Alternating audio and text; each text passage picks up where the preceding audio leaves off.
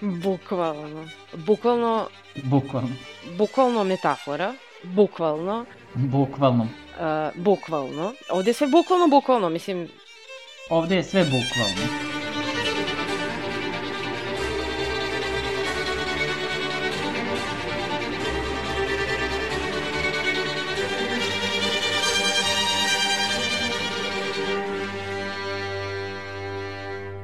Zdravo svima, dobrodošli u još jednu epizodu Bukvalno podcasta. Uh, ova epizoda Bukvalno podcasta je posebna zato što sa nama imamo i jednog gosta. Uh, od nas iz Bukvalne ekipe tu smo ja, Maša, Kristijan, Mira i Nataša. Uh, a naš gost ili naši gosti su Kaća i njene knjige. Je! Zdravo. Tačnije, sa nama je samo Kaća, knjige nisu sada tu. Da. pošto pričamo o, o jednom filmu, koji je Kaća uh, uh, ostavila u jednom komentaru na, na Until the End of the World, kad smo radili, uh, pitala je da li, da li smo radili ili da li ćemo raditi Love Exposure i ja, pošto nisam čula za taj film pre toga, ja sam pogledala i videla da taj film traje 4 sata. Ja sam rekla, ok, još jedan dugačak film, ali dobro, stavit ćemo na spisak. I evo sad je došao taj trenutak kada smo svi pogledali taj film i Kaća nam se pridružuje u epizodi da pričamo o ovom ludom filmu koji traje 4 sata, japanskom filmu. I sad mene zanima, Kaća, a, kad si ti gledala prvi put ovaj film, koliko puta si gledala ovaj film i šta te to privuklo? Uh, Kaća je ovaj film prvi put gledala za vreme karantina. Dobro. Uh, zato što je vreme karantina bilo bukvalno haotično i morali smo nađemo način kako da upotpunimo vreme. Meni su to bili jako bizarni, nenormalni filmovi azijskog porekla najviše. I naletala sam na Love Exposure i nekoliko ljudi sa kojima često pričamo o filmovima su već gledali taj film i to je bio moment kad sam znala da ću imati dovoljno vremena da odvojim 4 sata i da u jednom sedenju odgledam taj film. To je bio prvi put. U karantinu sam ga odgledala dva puta, a sve ukupno četiri. U 16 sati. Da.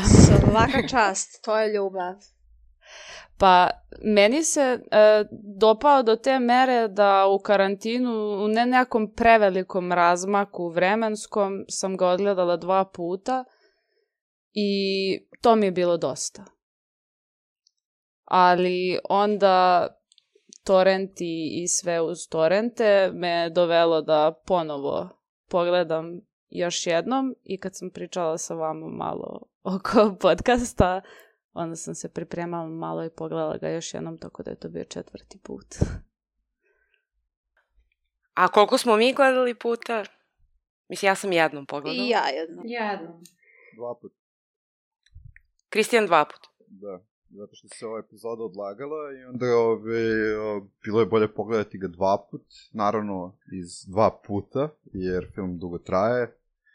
Četiri sata je dosta vremena uložiti u, u nešto i mislim da to, to smo spomenuli i pre nego što smo počeli podcast, treba ga gledati odmah, jer onda neke stvari dođe bolje da izraže.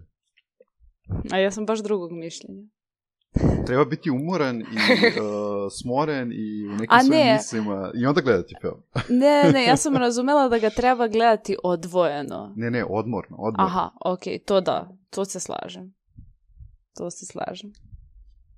Znači, treba ga gledati u cugu, u suštini. Da, to ja moram je... priznati da nisam to uradila. Nisam bila u mogućnosti.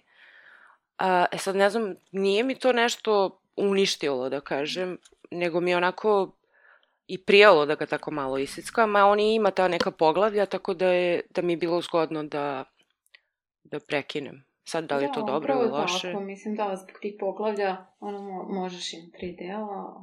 Ja sam ga iz dva dijela, tako da ono završno poglavlje sam ostavila za kraj i to za ujutru, tako da nije, nije ono bio neki razmak veći.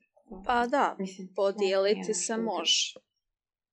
Mm, Kaća, jesi ti kojim slučajem gledala televizijsku uh, seriju koja je pola sata duža? Ne. Mm, šteta.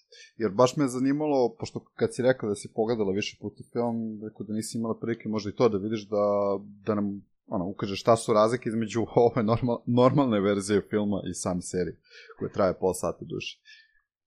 Pa, e, ja nisam gledala seriju, ali mnogo sam slušala režisera Siona nakon što sam odgledala film prvi put. I malo sam istraživala i čitala kako je uopšte, mislim, generalno film je apsolutno ludnica i mene zanimalo i uvek me zanima kada odgledam nešto tog tipa da barem delom shvatim kako funkcioniše mozak osobe koja je odlučila to da napravi. I malo sam istraživala, čitala šta je on govorio nakon što je film snimljen, njegov intervju i slično. I videla sam da je on jednom prilikom rekao da je zapravo film trebao da traje šest sati i da bi najbolje bilo da je on trajao šest sati, ali kao zbog tog bioskopskog doživljaja, mislim doživljaja, generalno nije prijatno meni barem sedeti u bioskopu 4 sata konstantno. Ovaj, oni su ga skratili na 4 sata i ta 4 sata su bukvalno najkraća moguća verzija tog celokupnog ludila. To je najsvedenije moguće zapravo što je moglo da se napravi. E, to sam htjela da te pitam.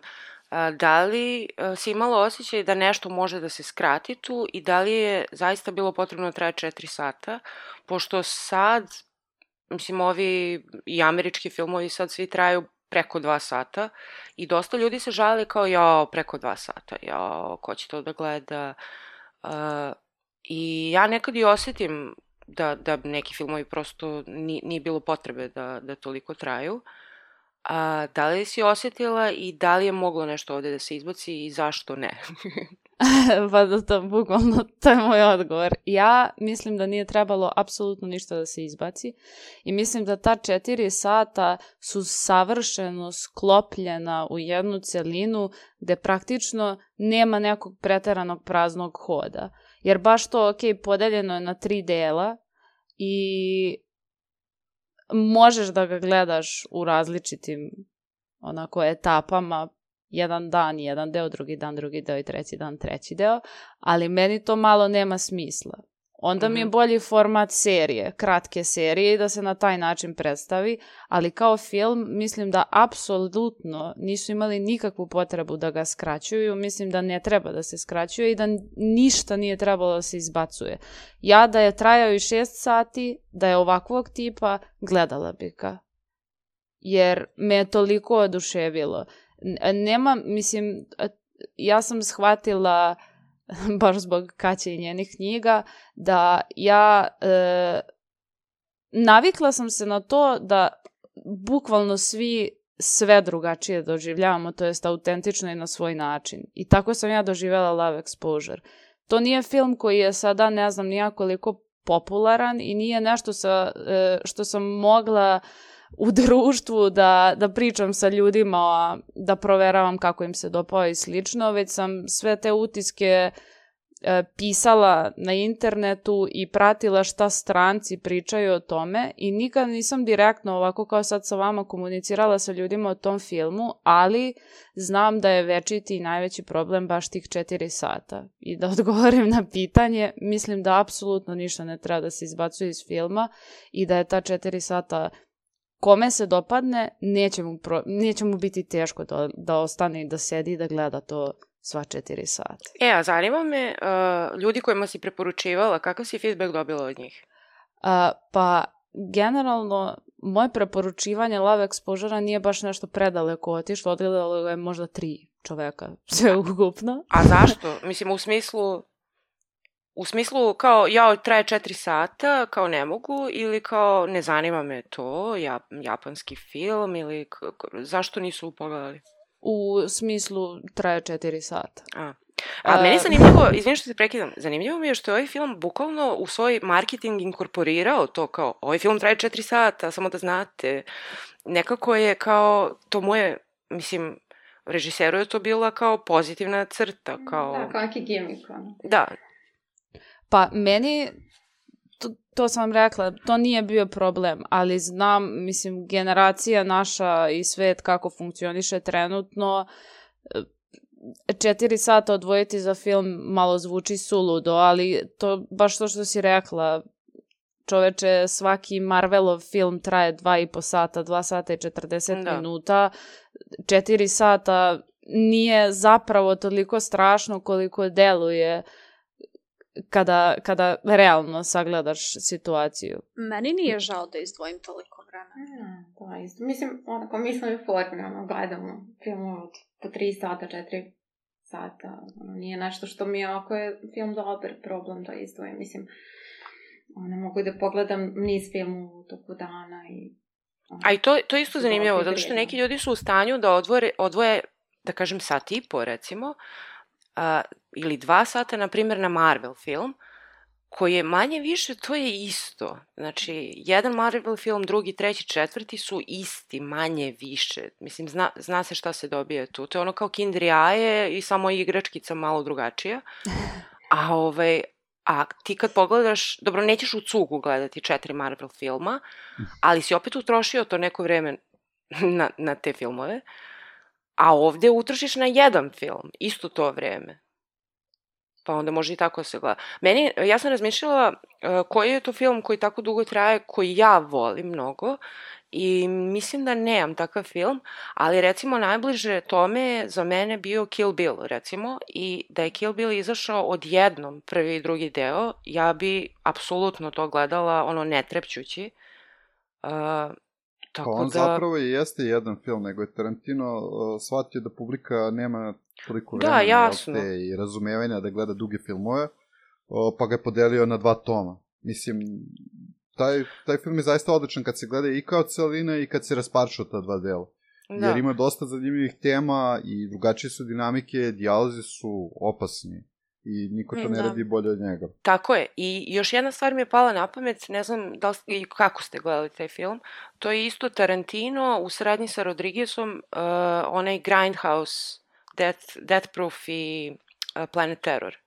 Nisam ja sam to gledao gledala. to zajedno, zato što je tada na torrentima izašao kao Grindhouse feature. Uh, E, to, to, to. Da I to sam htela malo kažem. samo to ako mogu. Uh, nekad su nazad u danu, uh, 60-70 godina ovaj, u Americi, imali te double feature gde oni izbace dva filma zaredom, koji idu jedan za drugim. Uh, u suštini to su uglavnom bili B filmovi. Horor, uh, akcijaši, i uglavnom su ih spajali kad su tematski jako bliski. I oni su pokušali to malo da, da povrate kao nazad u danu kad su oni u mladosti gledali iste te filmove, pa su odatle kupili fore i učili se o filmu. Uh, meni je jako žao što ni jedan to bioskop, barem ovde kod nas, ne radi, Da. jer uh, kad bi imali neku vrstu kustosa, kao što imate u muzeju, pa da imate isto i u bioskopu, da neko probere dva filma da idu jedan drugim zaredom, bilo bi interesantno ostati i pogledati i onda posle da može da se diskutuje o njima. A to ovde niko ne radi. A bilo bi jako interesantno. Imamo nešto slično recimo u bioskopu Zvezdi ovde u Beogradu. Uh -huh. Oni često biraju tako i, da kažemo, manje poznate filmove i neka opšte mesta, ali ni oni nikad nisu tako nešto slično radili, a mogli su. Eto, to je Pa neka... dobro, to je marketinška ideja. E, ali vidiš te, uh, meni je zanimljivo, recimo, taj Grindhouse, ja sam to skapirala, naravno čula sam za Grindhouse uh, Mhm. Bioskope i kako to funkcioniše, ovaj, i uh, shvatila sam da Tarantino i Rodriguez to obožavaju, da su hteli da naprave neki omaž. I onda sam htela da gledam film na način na koji su oni nameravali da se gleda, iako su oni to kasnije i podelili, ali šta je meni tu zanimljivo, a, bilo što pre filma, ja mislim, i između ta dva filma postoje neki traileri koje su isto neki poznati režiseri tipa Eli Roth i ne znam ko još tu bio, su radili te kratke trailere za filmove koji ne postoje. Mislim da je tu bio i onaj Mačete uh, koji kasnije... Da, Mačete, Mačete posle nastao kao full Tako je. film i bio je Rob Zombie sa Werewolf, uh, Da, zaboravila sam kako se. Bio Da, je onaj Thanksgiving i ne znam, Don't neki. da. Ove, u svakom slučaju, meni, meni se to jako dopalo i imala sam utisak kao da sam stvarno otišla ono, u Grindhouse bioskop. I, meni, I ja sam onda uh, to što Kaća kaže, onda sam ja to preporučivala ljudima i ljudi znaju da sam ja tad baš volila Tarantina. Onda sam ja maltretirala svoje, mislim maltretirala, svoje prijatelje i onda sam ih sve pozvala i rekla sada ćete ovo da gledate i nema ustajanja i morate sve da gledate zajedno. Možemo da gledamo odvojeno, ali ovo namenjeno se gleda zajedno i onda sam bukvalno izmaltretirala svoje prijatelje da to pogledaju. Ove, tako da uh, kapiram to da, da, da je nekad sasvim lako odgledati nešto što je što ti se dopadne, a traje, na primjer, 4 plus sati, tako da... Pa tako sam se ja osjećala u vezi Until the End of the World. I što se tiče dužine, i što se tiče utiska, i baš ovo što je Kaća rekla, uh, sve, sve to subjektivno. Ti doživiš nešto na svoj način. I ja isto tako bih taj film bez problema pogledala još mnogo puta i nekako shvatam tvoju ljubav prema ovom filmu jer je neobičan i Mm. Until the End je neobičan i nije nešto što bi svako pogledao i baš taj sentiment koji imam prema tom filmu smatram nečim, nečim posebnim.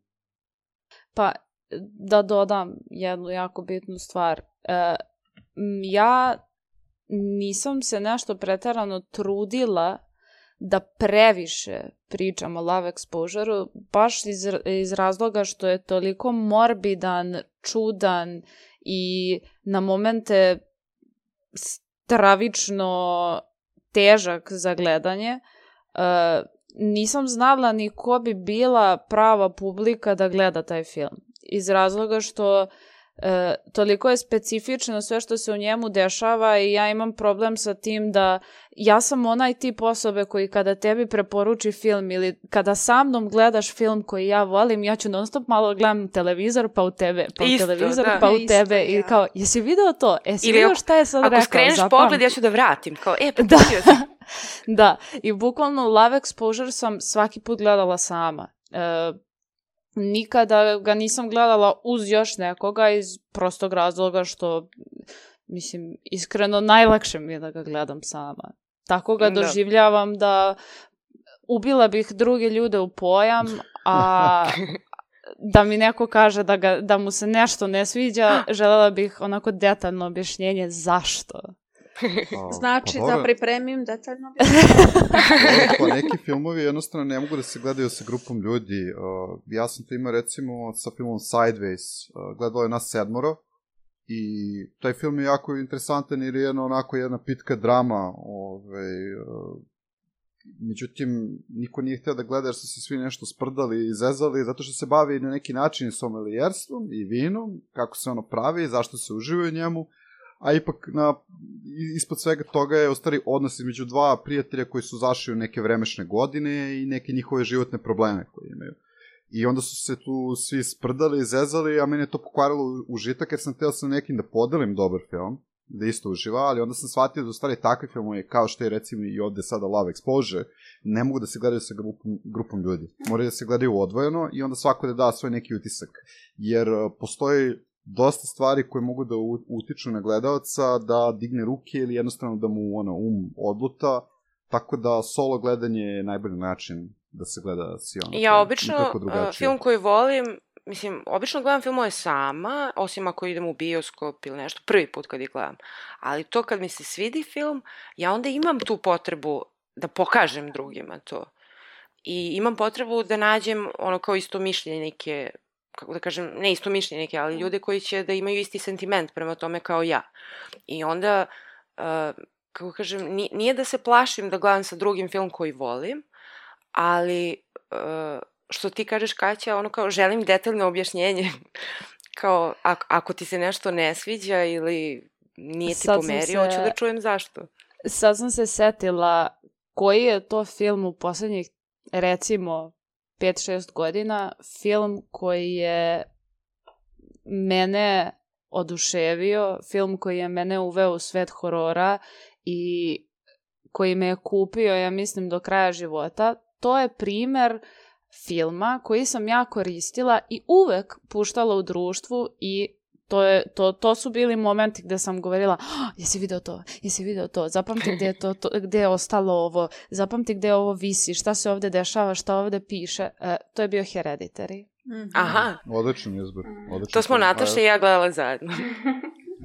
Hereditary je meni bio, ne znam, stvarno ne znam, i ja sam se oduševila prosto zato što volim A24 i očekivala sam da će to biti ludnica od filma, ali kad sam ga gledala prvi put, tu se nisam zaustavila. Mislim da sam sigurno 15 puta odgledala taj film i to je moj film, to je moj filmski izbor za društvo ako se neko, mislim ako se niko ne plaši horora, kao ako niko nema problem da gleda. E, ali imaš taj problem sa prijateljima, uh, ja imam dosta prijatelja koji ne gledaju horor filmove, ono, tipa 98% mojih prijatelja ne gleda horor filmove. I uh, baš smo napravili za Halloween onaj serijal kao strašni filmovi sa Anom, to je ono kao baš ekstremna situacija. Ta drugarica, ono, bukvalno gleda samo Disney crtaći i tako, ono, nešto, kako da kažem, ne, ono, kid friendly u suštini. Ove, i, I onda mi je jako bilo zanimljivo da istražim to kao uh, zašto neko ne gleda horror filmove, jer horror filmovi nisu ono kao monolit, kao sad svi fil horror filmovi su isti, ili svi su gadni, ili svi su strašni. Ove, I onda sam pokušala da nađem kao da li postoji neka uh, neka vrsta horror filma koja bi se njoj svidela, recimo, ili koja bi je uvela u žanr. Ove, e sad ne znam, jel imate vi takve prijatelje koji kao nervira vas što, što ne cene, odnosno neće ni da pokušaju da pogledaju neki horror film? Mm. Pa moje društvo ne voli horore uopšte, tu sam odustala što se toga tiče. Pa mi generalno u društvu, mislim, nije nas mnogo, to je prva stvar, ali uh, moj dečko i jedan od njegovih najboljih drugova su onako smatram ih filmofilima i stvarno obožavaju filmove i mi nemamo naviku i ne gledamo horore. Bukvalno, mm -hmm. kada god je i večita je dilema šta gledati, i to traje i traje i traje. Iako na watch listi imam 700 filmova, uvek traje izbor, ne znam šta da gledamo. Nikada ne izaberemo horor. I to ne da nećemo da ih gledamo ili da bežimo od njih, nego prosto e, nije nešto što preću upaliti neku akciju da gledam sa društvom, mm -hmm. nego što ću gledati neki horor. Sećam se, tipa, gledali smo Bullet Train, to nam je onako random bilo, nismo znali šta ćemo da gledamo. Ja sam htela, naravno, gledam Hereditary i nije moglo i gledali smo Bullet Train. A izvini, nije moglo jer oni nisu hteli ili niste imali dobar snimak ili kopiju? Pa nisu hteli. Mislim, neće niko pet puta gledati isti film sam. Što da ne, ako je film dovoljno dobar, može da se gleda mnogo puta i da se svaki put otkrije nešto novo i lepo. Ove, to je istina. Ne znam, ja, ja baš sad razmišljam u mojoj ekipi ljudi s kojima se družim i koji isto gledaju razne filmove, ne mogu da kažem da su nešto škakljivi na horore. Mislim, jesu izbirljivi u smislu da traže da horor bude jako specifičan i, i tematski kao celine i da ne budu ono klasični, ne znam, slasheri ili ovi horori što se sada štancuju. Mislim, ne znam da, da se ispatilo ovo što sada Blumhouse konstantno izbacuje. Da. Sve su mhm. to neki polovični naslovi koji niti imaju neku maštu, niti Niti su snimljeni na dobar način da izazovu neku vrstu jeze, nego su samo iskorišćeni jump scare-ovi koji su jako jeftin način da tebe kao nešto iscima dok ti to gledaš u zamrčenoj sobi i sa pojačanim zvukom ili, ili, ili ovaj, u bioskopu. Jednostavno ne izazivaju nikakvu jezu, a Hereditary je jedan od redkih filmova koji je pokazao kako u stvari eto, ta neka ljudska patologija i tuga i nemar i sve mogu mnogo gore stvari da izazovu nego bilo šta drugo što nam se javi u glavi o čemu mi razmišljamo šta bi nama moglo da navodi, mislim, kao svim horovima. Uh, da, tako da... je jeziviji od ono kao... Jeste. Bilo ko horora koji prikazuje i nešto paranormalno, mnogo eksplicitnije ili bilo kakvo nasilje i krv i ono, brutalnosti tog tipa. Tako da, a nije, nije prikazao nešto strašno, osim te anticipacije strašnoga i sablasne atmosfere Pa, emotivna, emotivna stanja u tom filmu su zaista jezive, jer bavi se porodicom, a ja mislim da nema ništa strašnije nego kad znaš da tvojoj porodici ide neki najgori usud koji ne može da se izmeni i niko Tako. ne može da se izbori sa time i zato je film na, funkcioniše na više nivoa. I naravno ima i onaj podzaplet, koji ne bi opet da spominje, jer mislim da Hereditary stvarno svako treba da uđe nasapo i da ga doživi Mhm. uh, na pravi način. Jer ako krene da se priča o tome, izgubit će svoju čar i draž. Uh, Eto, tema. Ne znam da ste obrađivali do sada, mislim da niste radili Hereditary. Nismo. Nismo. Ja mislim da je na listi. nismo. Da, U planu. Ali, Ali- barem smo ga spominjali. On. Da, Otkako E, postoji može, ova emisija. može to i Midsommar. Volao bi Pa, Midsommar. Midsommar sad smo radili. Sad sam radili pošla da ste? kažem, Hm? mislim da je tipa e, dobra ideja i to mislim da, da će dosta ljudi da se uhvati toga. A24 preporuke filmova, pošto, ajde da tu ću zaokružiti pa ćemo malo pričamo o filmu. E, mislim da opet se vraćam na to na moju generaciju, na našu generaciju. E, mi nismo doživeli, ja barem nisam doživela e, pik Tarantina, pik Finchera i slično. Ja sam doživela Kristofera Nolana i ali nisam ni jednu produkcijsku kuću kao što je A24 e, imala priliku da pratim ne baš od početka, ali od onako nekih ranijih stvari koje su izbacivali, pa do sada ovoga što se dešava sa njima, gde su postali jedni od, jedna od glavnih produkcijskih kuća koja pravi e, po meni sigurno na, u poslednjih 5-6 godina e, 3 do 4 filma koja smatram da su bila najbolja te godine su izašla iz A24 produkcije. Jest. I nisu samo horori, naravno horori prednjače i trileri, mislim Midsummer, Hereditary, Get Out, uh, pa na sve to dodati trilere Uncut Gems i Good Time. To, to su bukvalno filmovi koji u, u naš, u, u, ajde, 2018. 17. i slično, u tom periodu gde su stvarno Marvel i svi super heroji i ta masovna produkcija tog tipa preovladali bioskopima.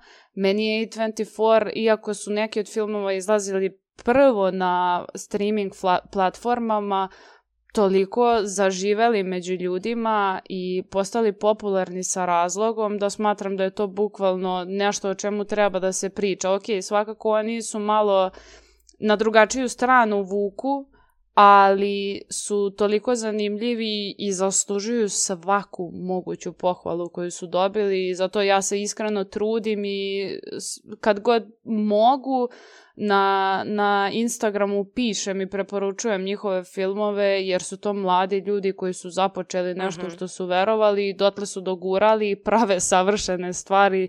Sma- mislim da da će u narednih desetak, 20 godina sigurno biti jedni od najbitnijih što se filmova tiče.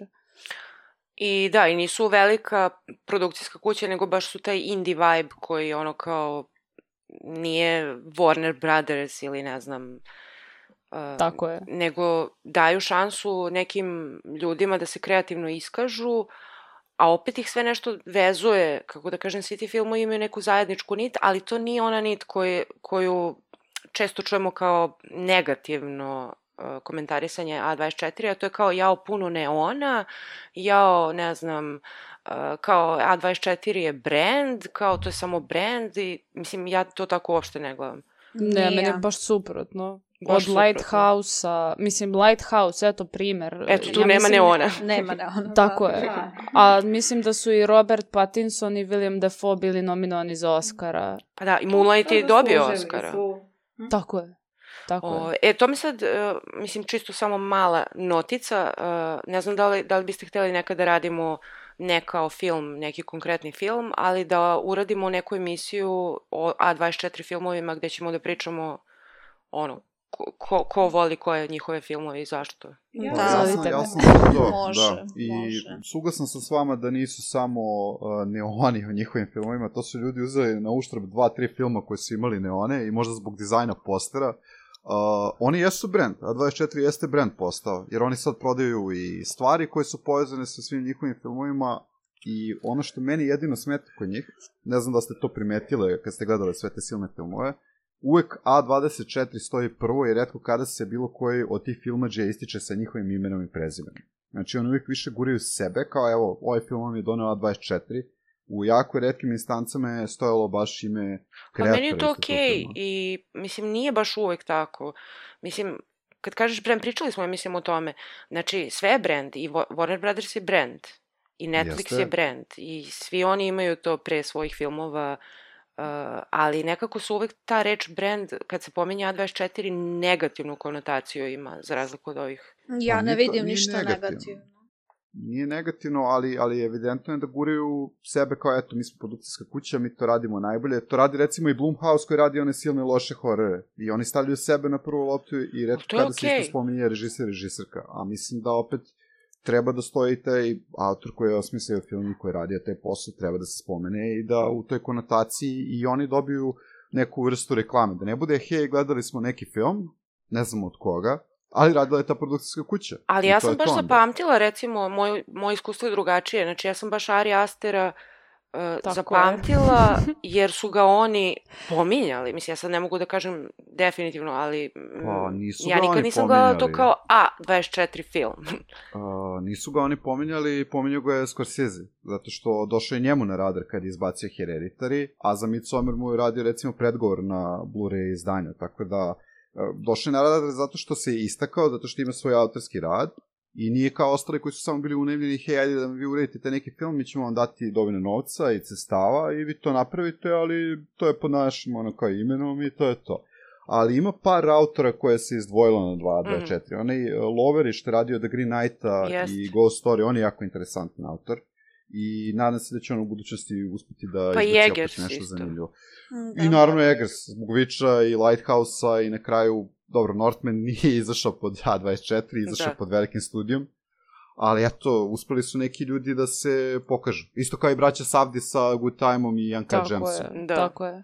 Tako da, mislim, Mislim, ko, izvini što ću te prekinuti, kada će kogod je dobio priliku da se izdvoji, da je stvarno autentičan, uspe to da uredi i to je to. Ali ipak oni guraju sebe i to im je najbitnije. Mislim, kao ostalom svaka produkcijska kuća, ali opet ne treba zapostavljati ni ljude koji su osmislili te iste filmove. Napisali ih, izrežirali ih, namontirali, treba da oni dobiju priliku isto da budu ono, opšte poznati, a ne samo kuća koja gura sve to. Pa dobro, mislim da nije kuća koja gura, to ne bi bilo ni tih ljudi iz razloga što, mislim ja to malo drugačije posmatram iz razloga što uh, da A24, to jest A24, uh, n- nije uložio novac na početku i verovao u to što su pravili tada, oni ne bi mogli sada da pomažu tim ljudima koji su pravili te filmove. I Tako lo, donekle mi je logično da, naravno, kao svaka produkcijska kuća i treba da naprave brand, ali ja mislim da oni apsolutno,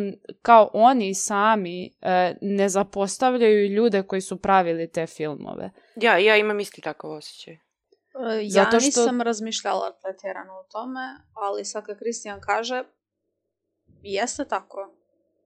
Ne primjećujem da se puno priča o režiserima, sem ako je film baš boom, poput Everything Everywhere, svi smo čuli sad za Danielse. Hm. Da. Ako je nešto baš u žiži interesovanja, moraš čuti za režisera. Ako nije, Pa mislim da će publika manje. pogleda neki film i smatra da je, da je dobar, kvalitetan, interesantan, nesvakidašnji, samo ovaj, istražiti i uputiti To se svakako. na To, režisera, tako da nije neophodno. Mislim, meni nikada ništa mm, ono, medijski toliko nije, ovaj, mediji nisu toliko uticali na moje interesovanje ovaj, kada su u pitanju glumci ili režiseri, naročito ok, režiseri tako nego bi sama ovaj, požela da pogledam još nekoliko filmova od tog reditelja, ako mi je taj bio interesantan.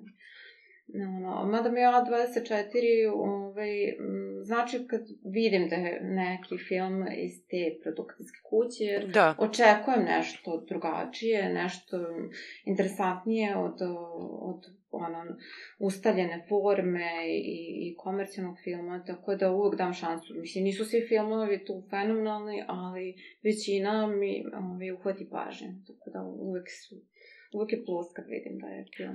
Dobro, znači definitivno radimo epizodu A24. Da, da. da. Ali, pošto ovo nije ta epizoda, da mi se sad vratimo iz ove digresije na naš film koji se zove Love Exposure, pa ako hoćeš Kaća samo da ukratko, u kratkim crtama opišeš šta se tu dešava. Pa, kada bih briefly morala da objasnim e, o čemu se radi, to jest šta je love exposure, meni glavna stvar koja me vezuje za love exposure je to da je to film koji govori, on kroz ta četiri sata koliko traje, provlači nekoliko bitnih tema e, koje su vezane i za društvo i za omladinu. U to ubrajam i traume iz detinjstva i odnos roditelja dece, uh, odnos mladih ljudi prema, to jest kako mladi ljudi doživljavaju uh, veze, međuljudske odnose, uh, naravno, sekte, i mislim da je Love Exposure film koji u jednom sadrži milion malih stvarčica koje e, ljude koji vole filmove i vole neku određenu tematiku u filmovima mogu da prevuku. On je, to je film koji se bavi, ima tri main lina, main storylina. Uh -huh. A, prvi i glavni je a, sin jednog katoličkog sveštenika. A, pratimo prvo njegovu priču, pratimo priču jedne devojke Marije. To je nije pravo ime, ali znaćemo je Marija, ajde da, da nam bude lakše. I još jedan storyline koji, to je možda moj najmanje omiljeni storyline u ovom filmu, tako da njega možete i vi da predstavite. Uh, tri različita storylina koji se onako po meni savršeno uklapaju zajedno i kraj koji je savršena mešavina svega toga i mislim da može se doživi na dva načina.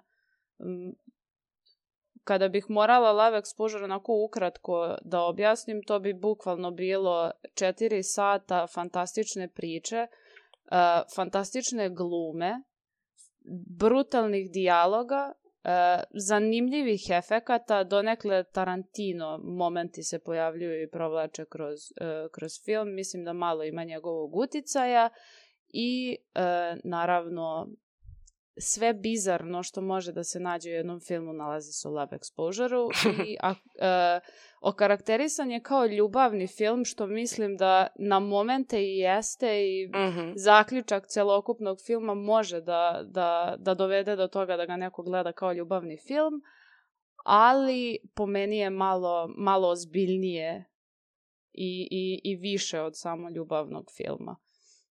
Uh, ja imam sad jedno pitanje za vas, sve, to sam pripremila, onako, kad sam razmišljala o čemu mogu i šta je, naj, šta je meni bitno kada pričam sa ljudima o Love Exposure-u. Uh, mene zanima prva stvar da mi kažete kome od vas se film dopao. Pa, evo, ja bih ukazao na jednu stvar, pošto uh, bila su neka oprečna mišljenja kad smo trebali prvi put da radimo ovaj, ovu emisiju sa tobom u vezi ovog filma i uh, nekako me nisu baš ovaj, uljukivali utici dragih koleginica koje su onako bile, pa ne znam, ovako, pa predugačko, te ovo, te ono. uh, ali moram da priznam da sam ja uživao u ovom filmu. Uh, iz, iz prostog razloga što mislim, ja sam navikao već na Japance i ja verujem da nekom je kulturni šok kada prvi put ovako nešto gleda, da će pomisliti da je samo neka zezalica, sprdnja ili pizdarija, a zapravo nije. Dobro si ukazala na to da se uh, prožimaju jako neke bitne teme koje se tiču i same ljubavi, vere, oprosta, uh, manipulacije na drugim ljudima. Da, to je Uh, bitan moment. I ono što je najbitnije, što film stvarno za tih četiri sata nije ni u jednom momentu zapravo dosadan. I da je jako tečan. I uh, da uh, si ono, pošto ja sam njega otkrio davno još sa Suicide, uh, Suicide Clubom, a to je bilo preko šok koridora, ako se neko uopšte seća te emisije, Uh, meni je bilo interesantno sad da malo dalje istražim njegovu filmografiju, jer moram da priznam bio sam malo len, on ima dosta filmova iza sebe, I mogu reći da Love Exposure funkcioniše na mnogo načina, da je zabavan, da ima dosta tih nekih japanizama koji su ljudima koji nisu u kontaktu s njihovom kulturom, da deluju kao da li je ovo neka loša parodija, zapravo nije. Uh, mislim da je film konzistentan, tečan, super su predstavljene tematike, trajanje mi čak nije bio, bilo problematično. Mislim da četiri sata brzo prođe, ali dobro je napraviti pauzu, uh, jer kao što smo već spominjali negde na početku ovde podcasta, previše ljudi se žale na trajanje, ali ako je film dobar i ako ima dosta stvari koje žele da prikaže i uredi na dobar način, onda i četiri sata neće biti problem da se presedi i pogleda do kraja.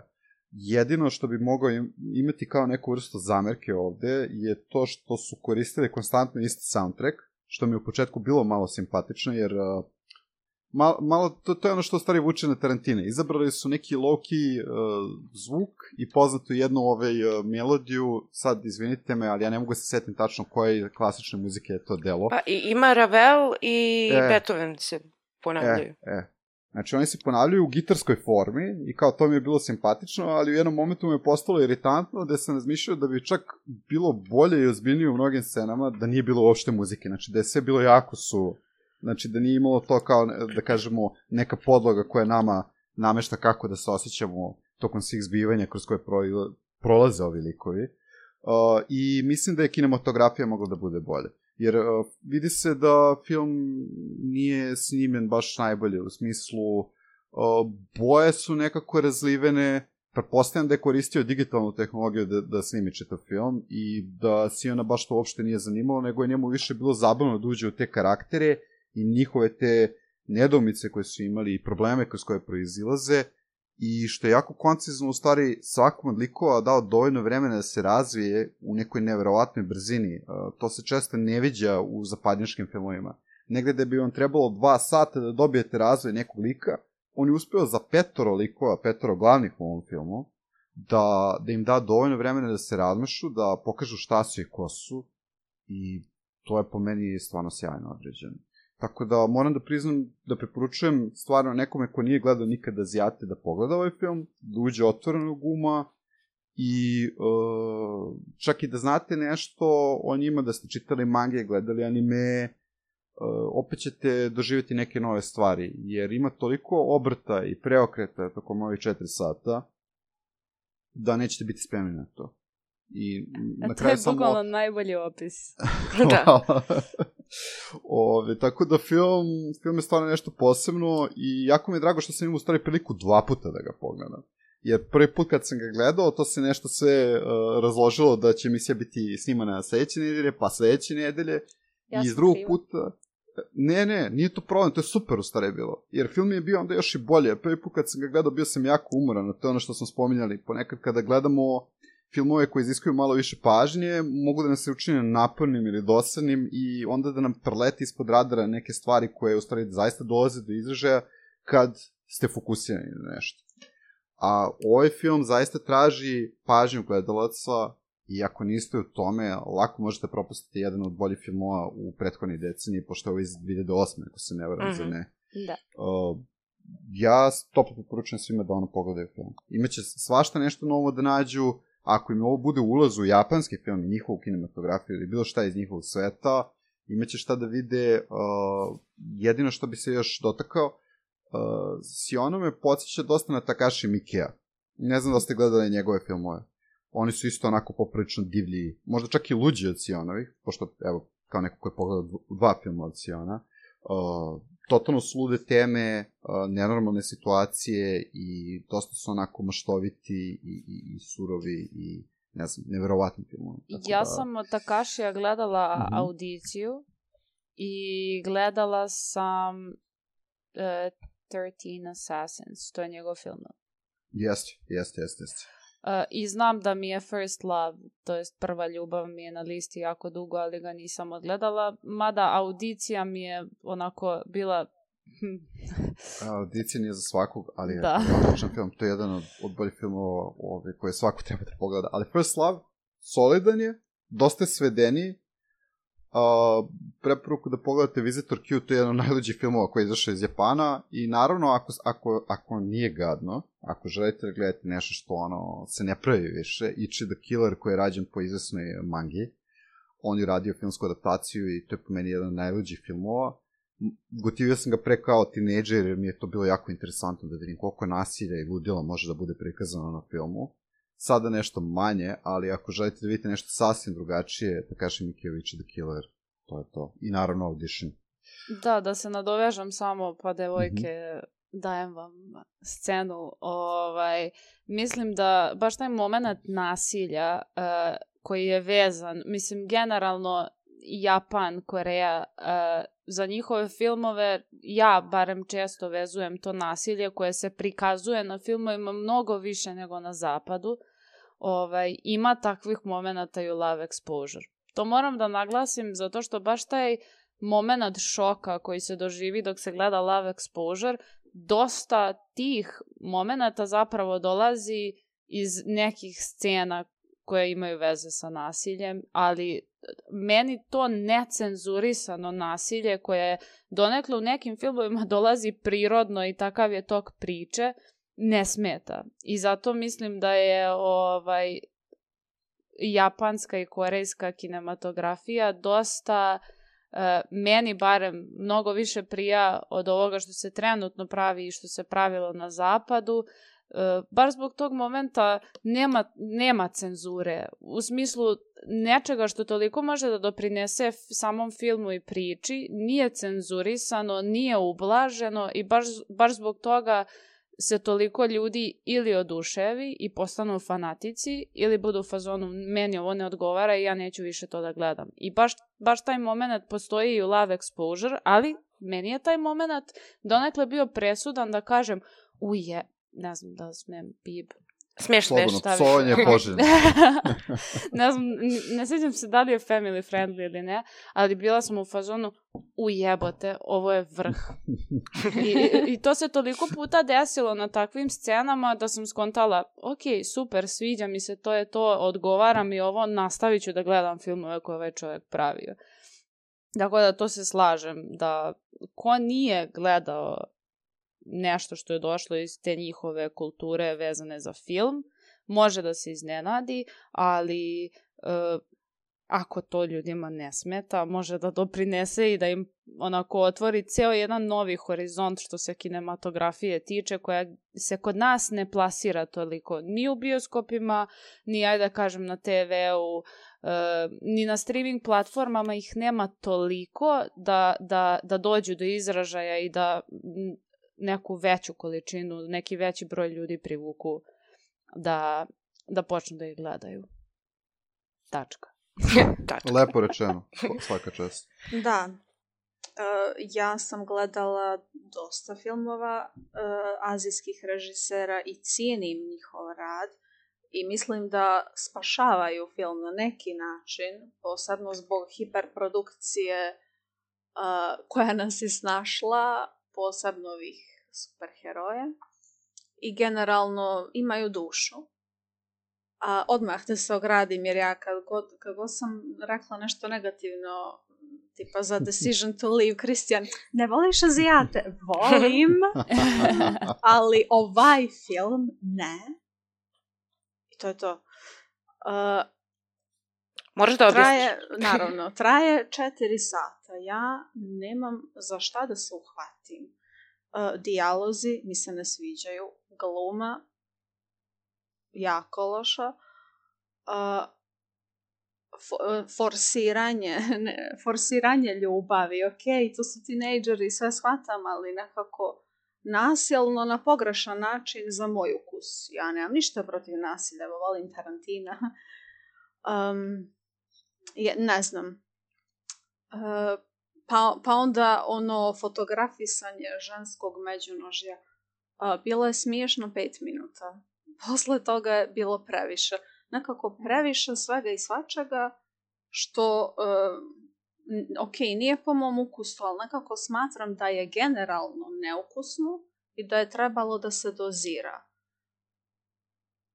Um, gubljenje u scenariju dodavanje previše elemenata. E, ne želim konstantno da naprežem mozak. Želim da vidim o čemu se radi, da imam nit i ok, neka se razvija radnja, ali se uporno dodaje nešto novo, neke nove scene, neki novi ljudi, gdje samo pomišljam dosta je. I da nije bilo ovog podcasta, ja taj film ne bih odgledala do kraja, a rijetko kad prekidam film. Kad ga počnem, hoću da ga završim kakav god daje. Uh, moram da kažem da sam u prvih sati nešto pomislila, brate, ovo je nešto skoro pa najoriginalnije što sam ikad gledala. U početku sam stvarno bila zapanjena, bilo mi je baš zanimljivo i Miss Scorpio i sve to.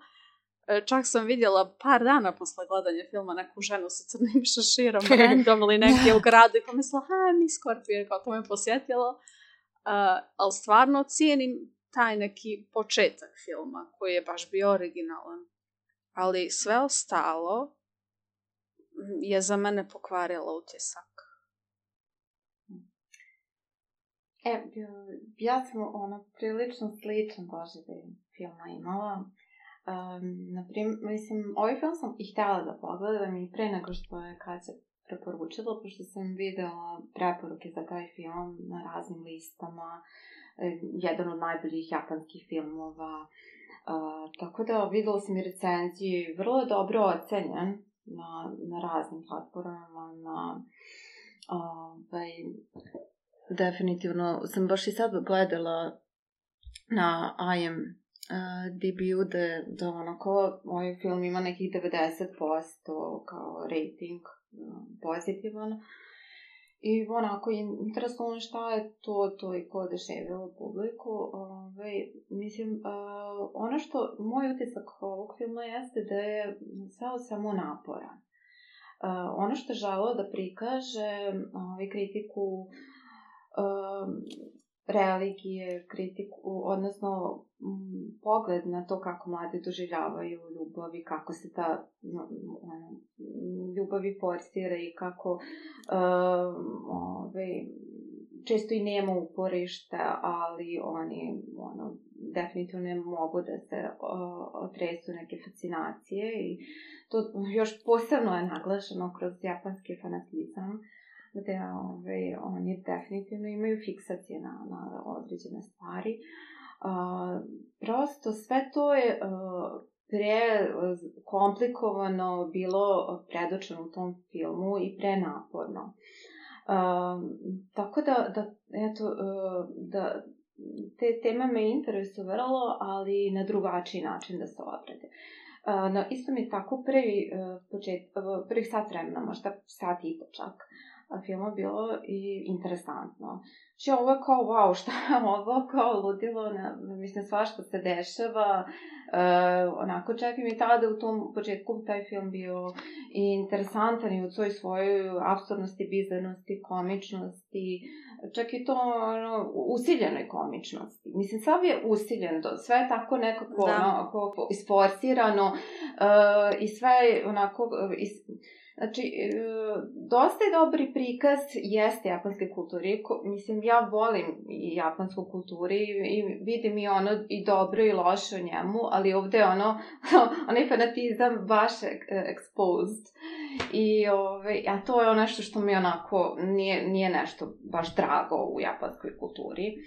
Uh, I nije mi problem što traje, mislim, film da traje 5 sati, znači, ono kao nije film koju sam iz cuga pogledala i to mi je ono bilo sjajno. I još mnoge filmove, znači nije ni to, nije ni japanska kultura što, što mi je kao nepoznata, nego ono prosto taj film, način na koji on funkcioniše, ne, nije meni legao. Uh, ti komični, uh, znači kada komedija bude onako, kako kažem, uh, ono, svesni su da rade svesno stvari uh, da budu komične. Meni je interesantnije kada, mislim, a nije komedija realno, i malo toga mi je bilo smiješno. Uh, što se tiče glume, uh, pa ništa posebno, u svakom slučaju bilo je interesantnih uh, likova tu koji su mi onako, stvarno sam voljela da ih gledam kad se pojave. Uh, Kaori, ovaj, ova uh, žena, mislim, ono, kao prilik, uh, sam je uh, zapamtila kao luda žena, ali Hm. ovaj, ona mi je bila interesantna kao lik i, i, ka, i, i scena sa njom bi mi bile komične kako je ono posrtala, napadala, nije odustajala. Naprimer, baš mislim da je glumica tu dala ono, neki pečat i da, da ona nije igrala tu ulogu ne bi bilo to toliko interesantno kao i ova manipulatorka vođe tog kulta uh, Koike, mislim da se zove. Jao. Da mi ona bila interesantna isto pojava ličnosti i, ove, i nekako i način na koji glumi i ponaša se i reaguje Meni je na ona toliko iritantna, ja skoro pa goreg zlikovca vilen A, vidjela jeste, nisam. zlikovac užas, da, da, užas. da, ali mislim kao zlikovac stvarno e, i nekako mi je kao pojava bila originalna, dok mi e, Jo i Joko su mi tako bili ono mlaki u svojim, ono, i kao najmanje interesantni, iako su oni bili onako fokus filma i oni su bili ono kao ljubavnici i ono, i, ono stvarivali su neku romansu i na, oni su bili, glavni protagonisti ali nekako njihova pojma mi je bila ono, ne znam, blaga i, i neutralno koliko i ono, pojava ovaj, Juvog oca ovaj, on je tako bio nekako pasivan i, i, i ono a, A, Moram samo da dodam, Kaori, a, to jest Makiko, kako, kako vam je lakše, Mhm. ovaj, mislim da je njen moment u filmu izuzetno bitan i to je, a, ona je u početku e, ključ da se shvati zašto dolazi do donekle i glavne priče u celom filmu. I meni je baš i trebalo da bude predstavljena na taj način, jer je ona okidač nečega što se posle toga dešava u filmu.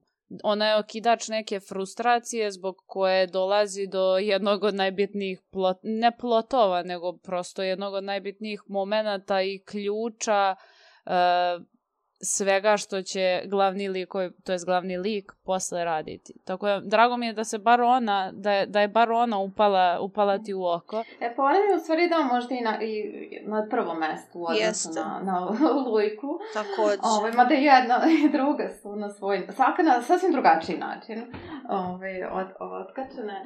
Ali e, ta njihova otkačenost je interesantna u odnosu na otkačenost uh, Ju i Joko. Oni su ono kao, mislim, prolaze kroz taj film i, i nikakav trag ne ostavljaju.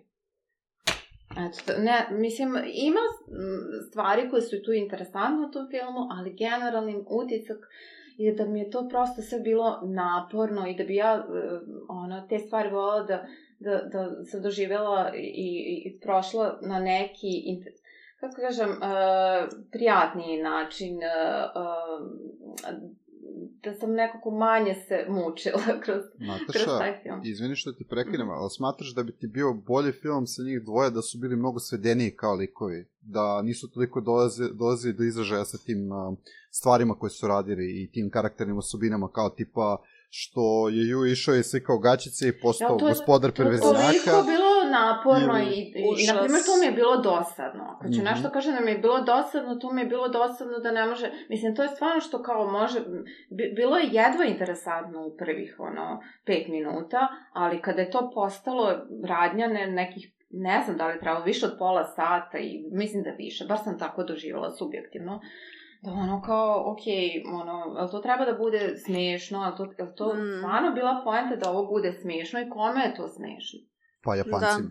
Pa, To je da. njihova kultura, oni se bave time, imaju o- otakue, imaju te, uh, ja se izvijem ako ću pogrešno reći, te saku kultura, znači to, je, to su ti tipovi koji slikaju gaćice devojaka i žena. divna Mm. kultura. O, Pa, Pa mislim, to je ono što su. hoću kažem, da, da, nisu to je evropljani, što, nisu što... amerikanci, Da. imaju svoje neke To poglede na, na svet i to šta je njima zabavno i interesantno. Ali da je to kogod nešto da što su- meni je naporno da se to i- Mhm. ispostira i znači ja volim neke stvari u japanskoj, kao i svakoj kulturi, neke stvari volim neke, znači u ovom filmu je došlo da izražaja nešto što mi ono kao nije mm, primavljivo Ja ne mogu to da pravdam time, pa nisu oni evropljani amerikanci, meni je to boleština. Ok, pa mislim da se uključim samo. Uh, ne kao u svoju odbranu, nego u odbranu filma. Ovaj, taj moment uh, slikanja je me, ja, ja to ne vezujem sada za njihovu kulturu uopšte. Meni je to bukvalno bio samo moment u filmu koji je takođe bitan Mislim, e, meni nije toliko smetao iz razloga što sam znala kako je do toga došlo. I naravno ne podržavam i ne smatram da je normalno da neko to u stvarnom životu radi, ali taj moment u filmu je meni bitan deo priče koji mi nije toliko upadao u oko, nije mi toliko smetao, a čak mislim da nije bio korišćen u filmu samom kao nešto što treba bude smešno do te mere da, mislim, traje 45 minuta i da ti bude samo smešno. To mi to nisam na taj način shvatala, malo sam drugačije doživljavala jer sam znala kako je do toga došla i zašto je do toga došlo, ali oni, mislim i taj pokret, e, to jest taj moment u kulturi, ako se to smatra kulturom u Japanu, e, oni na njih ne gledaju kao da je to nešto normalno, oni su bukvalno perverznjaci i tako ih i oslovljavaju. Ovaj, ali bitno je znati da to kako je došlo do toga je prosto zbog e, potrebe, jer u ne znam, to sam pročitala negde, u Japanu, u katoličkoj crkvi, to jest katolički sveštenici, perverznjake smatraju, to jest perverzno šta god da se uradi, smatraju kao ultimativni greh. I to je nešto za što ne postoji neki vid opravdanja. I onda kada sam gledala film i kad sam shvatala zašto je došlo do svega toga, bilo mi je jasno, ok, znam zašto to radi i nije mi smešno, više mi je, više sam to gledala sa strane, ok, to je njegov coping, coping mekanizam ili njegov, njegov način kako, kako će da se odbrani od svega toga što mu se dešava i kako će da doprinese onome što je njegov plan kroz taj film i u tom njegovom ovaj prvom delu, u toj prvoj priči kojom, koju prolazimo dok gledamo, dok gledamo sam film. Tako da ne prihvat, mislim, ne smatram da je normalno to što, što, što to postoji kao pokret i kultura u Japanu, ali u filmu mi nije toliko problematično bilo zato što sam znala koji je razlog i kako je, zašto bi bilo koga e, nešto navelo da se bavi time. A pritom, e, ti plotovi, ti mali plotovi koje, koji prolaze kroz film, onaj koji se desi kada se on bavi tim poslom je meni jedan od omiljenih. I onda opet imam neke stvari koje me vezuju za to i ne smetaju mi, ne gledam ih na neki previše negativan način, baš zato što sam iz te priče, iz tog njegovog lika, uh, dobila jedan od najdražih plotova u, u, u japanskom filmu koji sam gledala do sada. Ali shvatam šta govorite. Mislim, razumem šta je, šta je problematično ovaj, sa vaše strane, zašto vam se ne dopada. Da, pa i, mislim, ok, meni isto jasno da, da ono kao ti si, ok, doživjela to na drugačiji način i da ne samo ti, nego ono, mnogi drugi, očigledno. E, I jasno mi je u suštini e, zašto je on to radio i sve mi je to jasno. Nije, nije uopšte problem da, da ja to nisam shvatila, nego, um, znači, e, prosto to je predugo trajalo, ta fascinacija time i e, fiksiranost na to. A, ove, I nije mi bilo prostor potrebno niti da toliko dugo traje, znači taj deo. A, ove, a, a i taj, to što si možda ti doživjela, a, znači taj plot, kao na, mislim, to, kako je on to, da, zamislio devojku svojih snova i, i ovako, generalno to neki moj stav prema um, ono, kao, ok, to je tineđerska ljubav i to ima sve smisla u tome da, da ti nešto zamisliš i da, da ono, i kad se to desi, da, da ono, mm, se fiksiraš na to previše, ali, ali ono, e, generalno ta fiksacija u startu ka nekoj osobi koja, eto, je samo kao vizualno i, i onako u, u tom trenutku potpad pod tvoje snove, nije moja vizija ono kao ljubavi neke koje, koje bi me toliko oduševila ili tako da ni taj deo nije ovaj, funkcionisao kod mene. Ali mogu da zamislim, mogu to svakako da, ok, naravno razumem kao nešto što normalno mladi ljudi tako doživljavaju ljubav. Često. E, mislim, još emotivno nezreli i, i da, da prosto je to nešto što je moglo i logično da se desi u takvim situacijama i u, pogotovo u, u, u, u, ovaj, u njegovoj priči koja ona, je specifična i posebna jer je ono tako nešto doživao u, u ranom detinstvu i zamislio i, i generalno ta fiksacija, znači fiksacija na to što da uradi, da, da napravi taj greh, da udovolji ocu, e, da, da, da fiksacija na ljubav, znači sve, sve mi je nekako bilo kao previše uh, ucijenjeno, tako da... Dobro, Nataša, izvini što ću ti upustiti tu reč, ali već smo obrađivali neke filmove koje imaju te, tu tematiku, kakve sve vrste ljubavi postoje. Uh, meni je naslov filma ispunio i tematski onda sa te strane, jer kao love exposure, izloženi smo ljubavi, a ljubav ponekad može bude jako velik katalizator za neke stvari koje mogu da odvedu i u stran puticu, zar ne? Uh, ovde imamo priliku znači, da vidimo Jua, koje je došla iz te katoličke porodice i u, imamo dobar uvid u to kako izgleda kad te roditelj zapostavi zbog gubitka svojeg partnera. Jel te? I onda generalno gomila neki drugi problema koji izlaze na površinu i normalno da će u njemu da se rodi to neko nezadovoljstvo i da pripada nekoj grupaciji ljudi, makar i perveznjacima kao u ovom filmu. Uh, to se vidi kroz ostale likove koje se tu pojavljuju i kroz Kojike i kroz uh, Kaori koje ste spominjali svi su oni uh, bili katalizatori da kroz ljubav urede neke stvari koje možda i nisu normalne, jer nama deluju kao abnormalne, jer nismo možda navikli na takve prikaze uh, kroz naše filmove i serije. Ali jednostavno sve se to tematski svede na jednu jasnu celinu, da kroz tu ljubav prolazimo kroz neke metamorfoze, spoznajemo bolje sebe i druge i kako svet funkcioniše, čak i ako grešimo. A tako je čitao Love Exposure i postavljen, znači od početka do kraja. Naravno da ide u nekim instancama u totalne ekstreme koje su bliži mnogo Japancima nego nama, kao što su te reference na, na, te pošalice sa suknjama i tim preterivanjima ili scene borbi koje se desi iz nebuha, to je njima kao dobar dan u svim filmovima.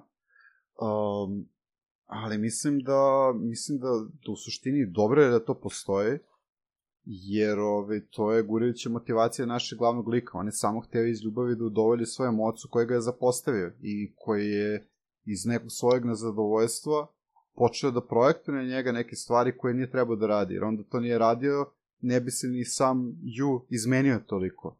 Ne bi otišao u strampoticu. Agreed.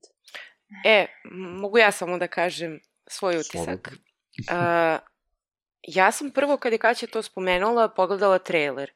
I mene je to jako privuklo, zato što u tom traileru je sadržano sve ono što je meni zanimljivo u tim japanskim i azijskim filmovima.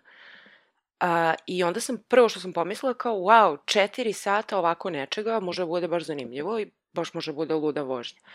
I Uh, već iz trailera sam videla da taj film neće biti ono kao glici, onako da neće biti tu, kako da kažem, nekih boja, neki, neke dobre kamere, ali sam bila u fazonu ok, kao, ne, ne znam kada je sniman film, 2008. rekao ste, ali tako? Da. Ove, mada i tad je već trebalo da bude malo bolji, da kažem, izgledom, ali mi to nije smetalo. Uh, ono što je meni bio problem sa filmom, ima veze isključivo sa mnom, a to je što uh, ta četiri sata ja nisam gledala u cugu i onda velike pauze sam pravila uh, kad sam nastavljala film, gledala sam ga iz tri puta. Uh, I onda, kao, fali, kao da sam prekinula tu nit koja vezuje sve to i onda sam se malo kao, šta beš ono bilo, ma nema veze, kao nije važno, mada su mi neke stvari ponovili i, i ponovo sam uhvatila tu nit.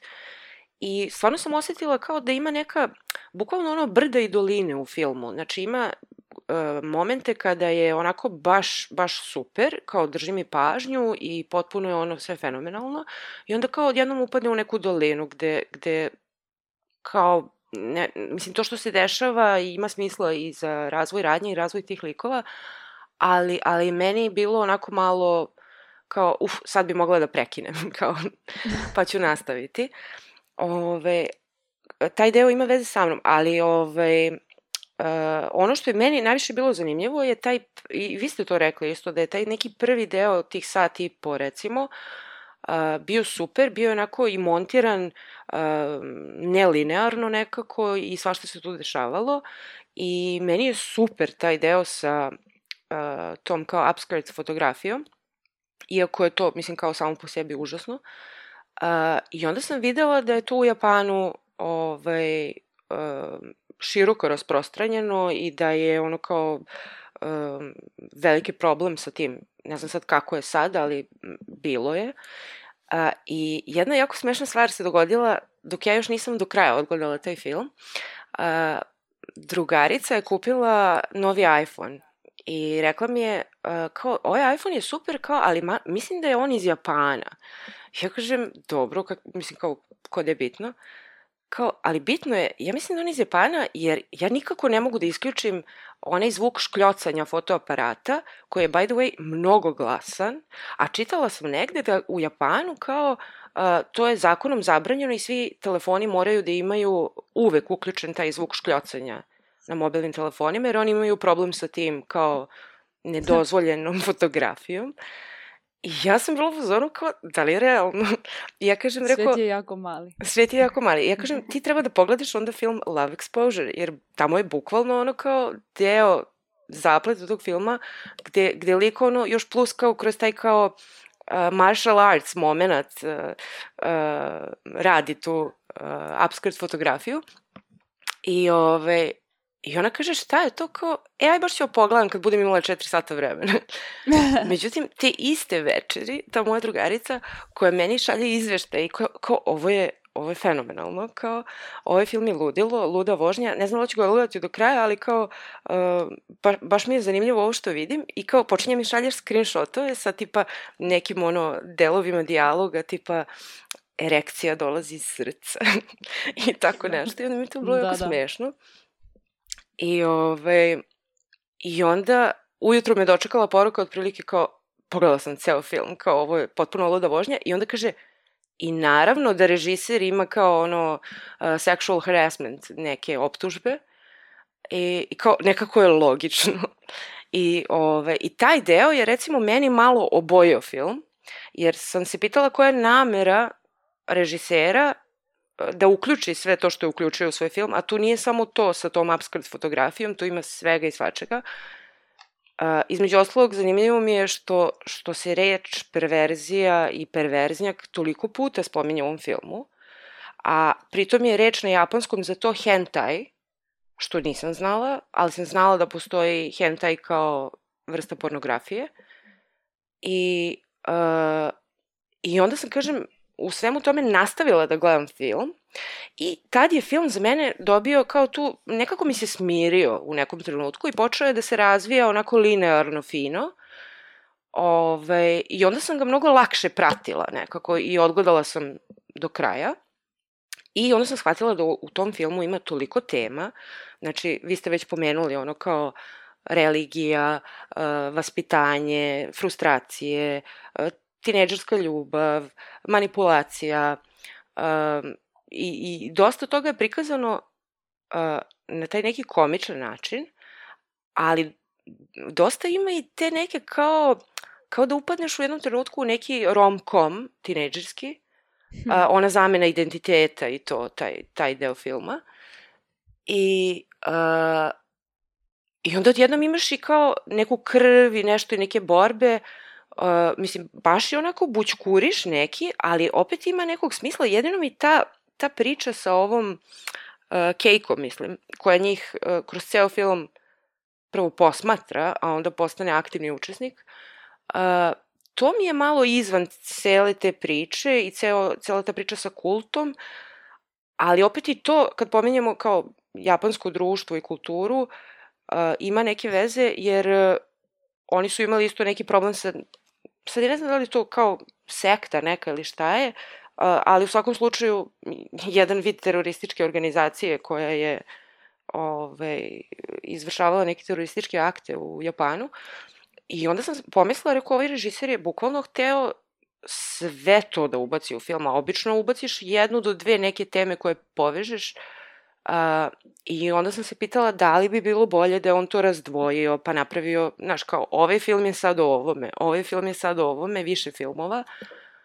Uh, I onda sam shvatila zašto film traje četiri sata, jer sa toliko tema ti ne možeš da to svedeš na manje. Nekako je mm, nemoguće ja... to izvesti.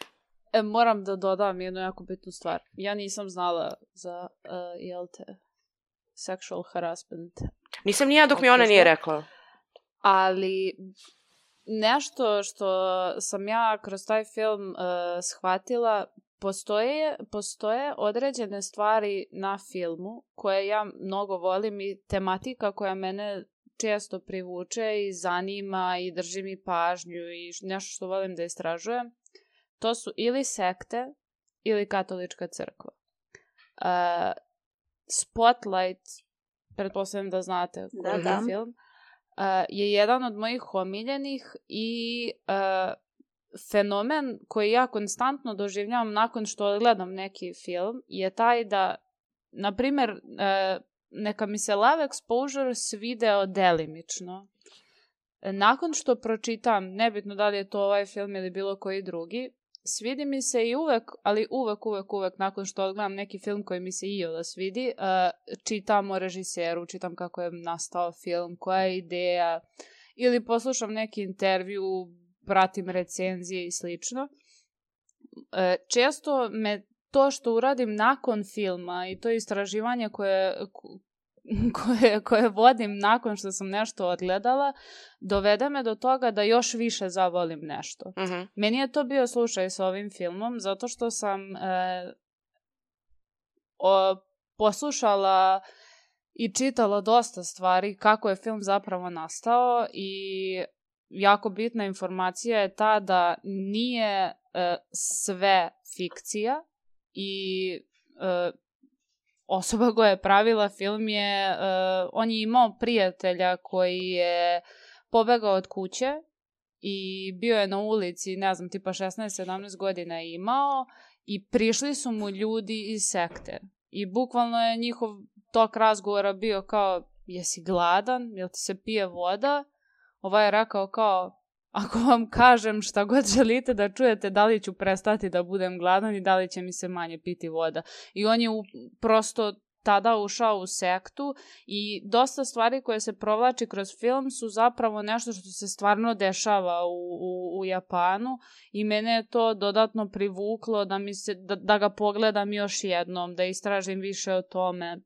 A sama činjenica da je delom po istinitoj priči rađeno je meni uh, bila dovoljna da me dodatno zainteresuje, jer e, baš ta, e, što je Maša rekla, ta, ta onako nit koja se provlači kroz ceo film, meni sve to ima smisla kada spojim glavne tematike koje se provlače kroz taj film.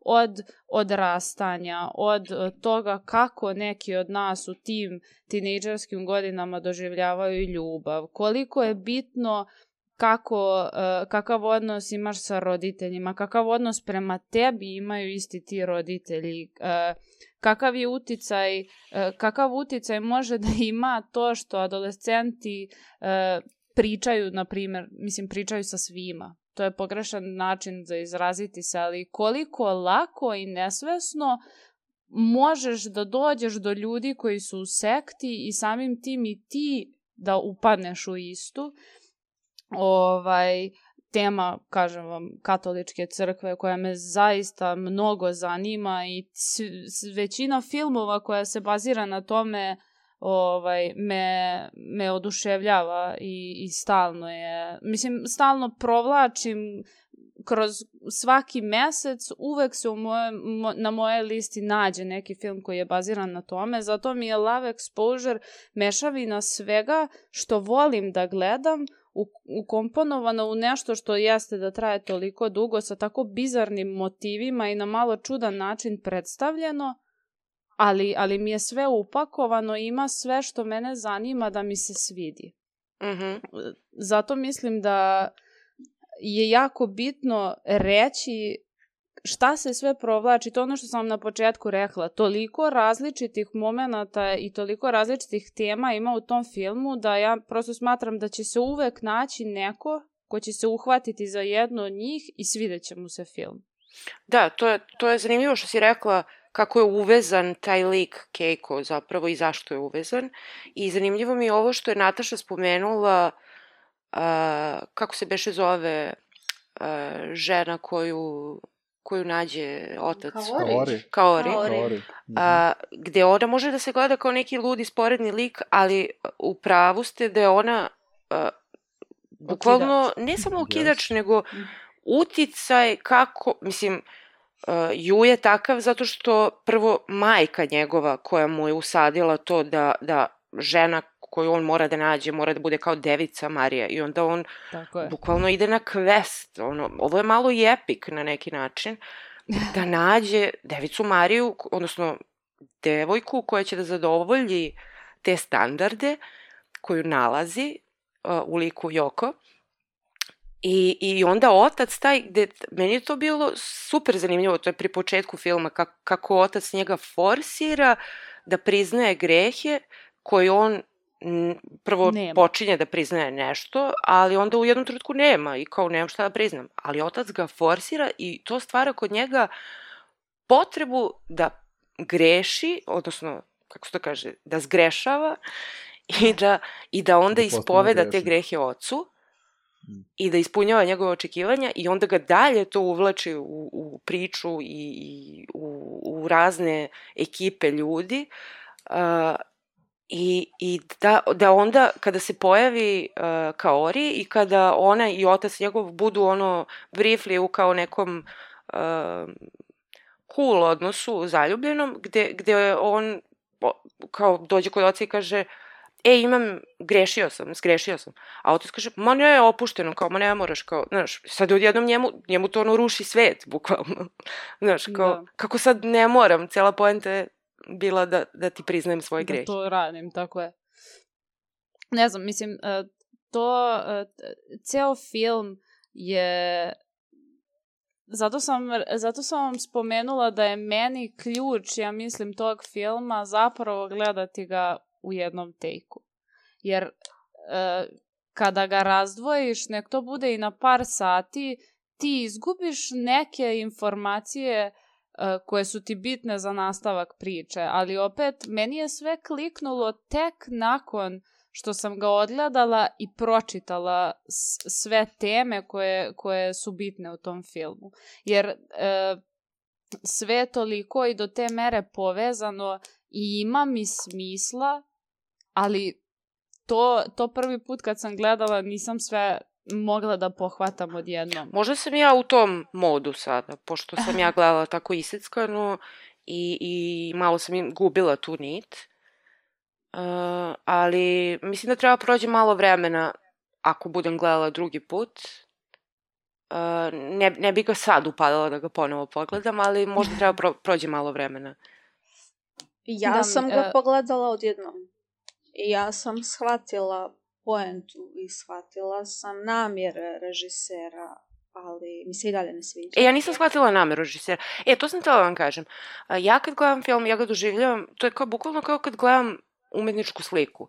Ja uopšte ne razmišljam o režiseru, umetniku, šta je on hteo.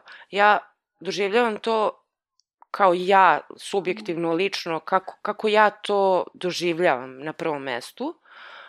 Uh, onda ako to ima neki širi kontekst u smislu kao društveni komentar neki nešto, onda malo kao proširim taj kontekst tim informacijama i onda kao aha, ok, sad bolje kapiram nešto.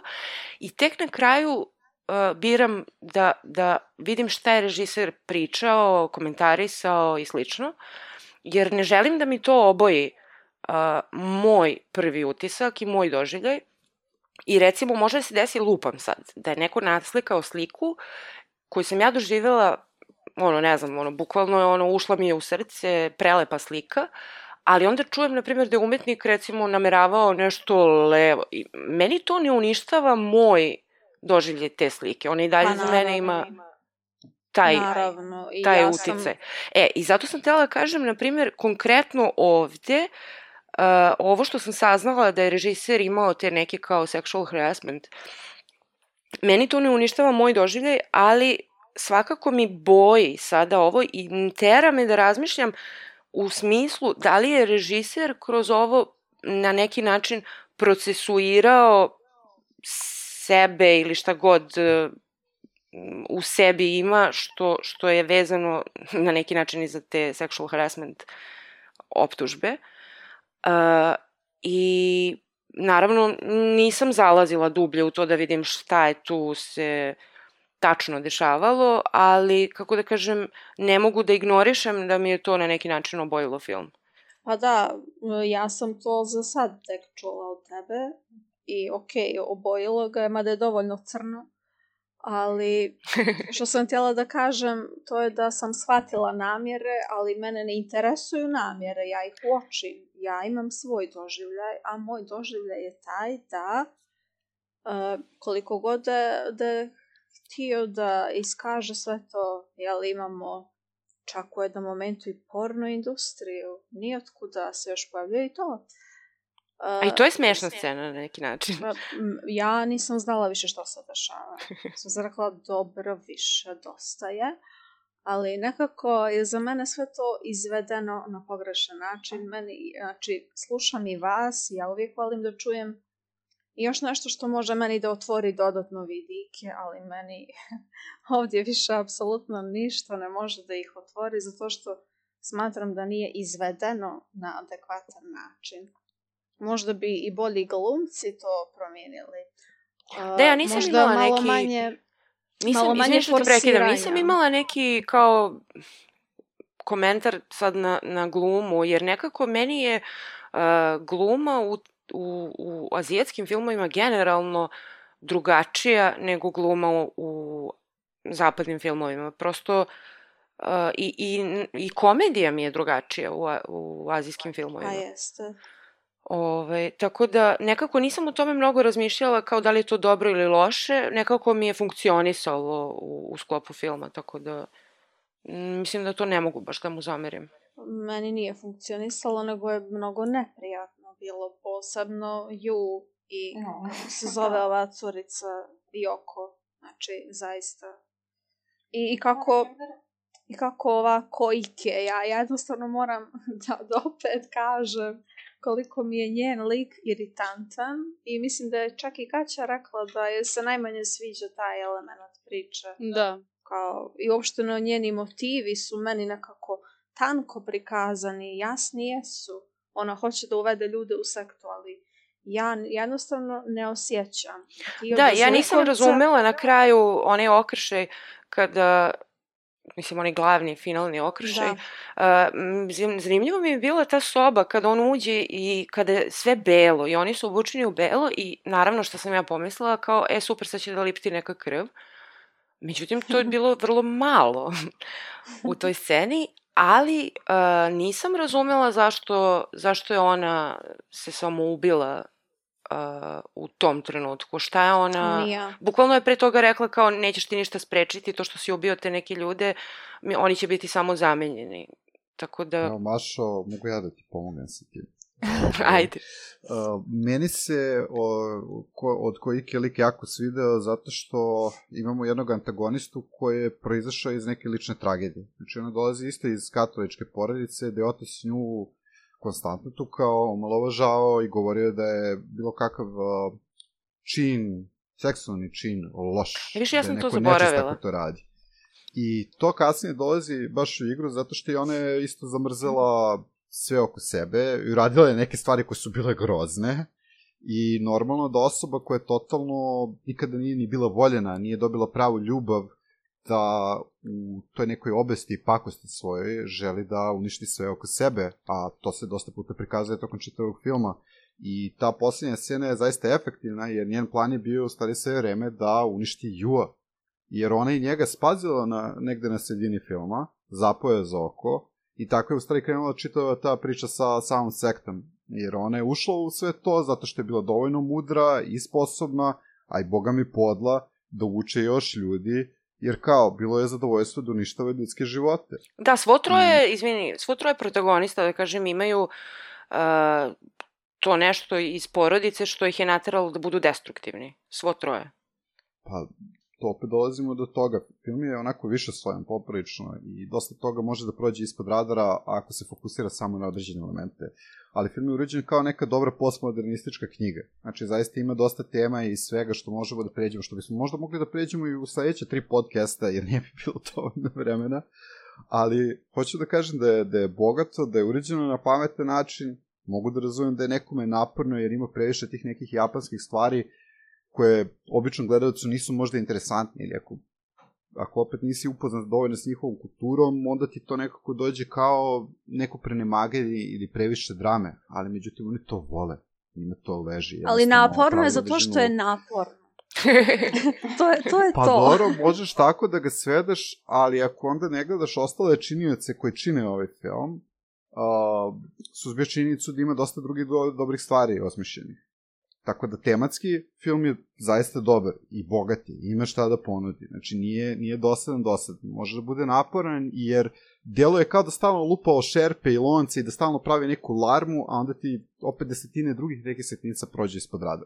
Kao i u ovoj situaciji sa glavnom antagonistkinjom, gde, gde bi je lako otpisali, u stvari ima razređeno kako i zašto, kakvi su motivi, čega je došlo do toga. Da, ja samo nisam ukapirala što je ona odustala na kraju, odnosno što se samo... Pa, na kraju ona doživjela svoju misiju. Ona, ona se isto zaljubila u Jua. Ona isto bila zaljubljena u Jua i htela je da ga uništi skroz jer shvatila da nikad neće biti njen. I zato je došlo do onako katarzičnog kraja. Tako je. Ove, ja sam to propustila. Tako da, pa, e, ali vidiš, Maša, to se vraćamo na ono što si sama rekla. Znači, ti si gledala film u tim raskoracima da si pravila velike pauze i onda ti se izgubila neka nit i ti silni detalji koji se prikazuju tokom 4 sata i možda da djeluje da nešto i jeste nepovezano. U stvari, film je jako kompaktan i slojevit. I Siono je znao šta radi sa ovime jer neki drugi režiseri možda iz Evrope ili iz Amerike čak bi se pogubili da imaju toliko tema u samom filmu, jer uh, i u dva sata ovo ne bi mogo da napakuješ da izgleda dobro možda kad bi se i ostranilo sve ovo što ima iz Japana što dolazi, film bi bio onda bio verovatno dosadniji, ali i to unosi neku interesantnu dinamiku, jer ono, nije kao da svaki dan gledamo uh, azijske filmove i da imamo ove, ovaj, na ovakav način uh, prepečene priče i dogodoštine odatle. Iskreno, meni se jako svidilo u suštini kako je prikazana sama sekta. Uh, mislim da je to realističan prikaz, da se uzimaju ljudi koji su na nekoj margini ili koji su usamljeni, ili e, kojima stvari ne idu jednostavno dobro u životu i onda da postanu deo nekog kolektiva gde će neko da ti proda kroz eto, istu garderobu, kroz neku muziku, kroz te neke pričice da možeš da budeš bolji čovjek i da pomažeš ostatku kolektiva, da lako potpuneš pod uticaj i da budeš iskorišćen. Mm, to je tačno. Da, to se važi da i za, za bilo kakav m, kolektiv i neku bandu, ono, prosto m, mogu lako tako, znači, deca koje, ono, polaze e, iz nekih porodica razorenih i disfunkcionalnih, da prosto potpadnu pod bilo koju šaku bilo kakvog manipulatora. Da li to bila sekta, da li to bila mafija, huliganska grupa. Da. da. Prosto to je, da, samo... Da, i to nije da to čisto japansko, to je svuda, mislim. Da, E, samo sam htela, izvinjam se, samo sam htela da kažem, za, razmišljala sam i o na, naslovu, Kristijan je lepo rekao kao šta je ta izloženost ljubavi, uh, love exposure, uh, ali zanimljivo mi je, sam razmišljala, pošto on stalno slika, ovaj, odnosno ne stalno, ali tokom celog filma se to prožima, ovaj, kao exposure, u smislu kao fotografski termin, kao mhm, ekspozicija, mm -hmm, kao da. može i tako da se gleda. Mada ja bih ovaj film najprije nazvala Everything Everywhere All at Once. e, vidiš. vidiš. Jer Samo što je ono svašta. Everything Everywhere mnogo kraći film. Bukvalno everywhere, Everything Everywhere All at Once je baš 50-50 film.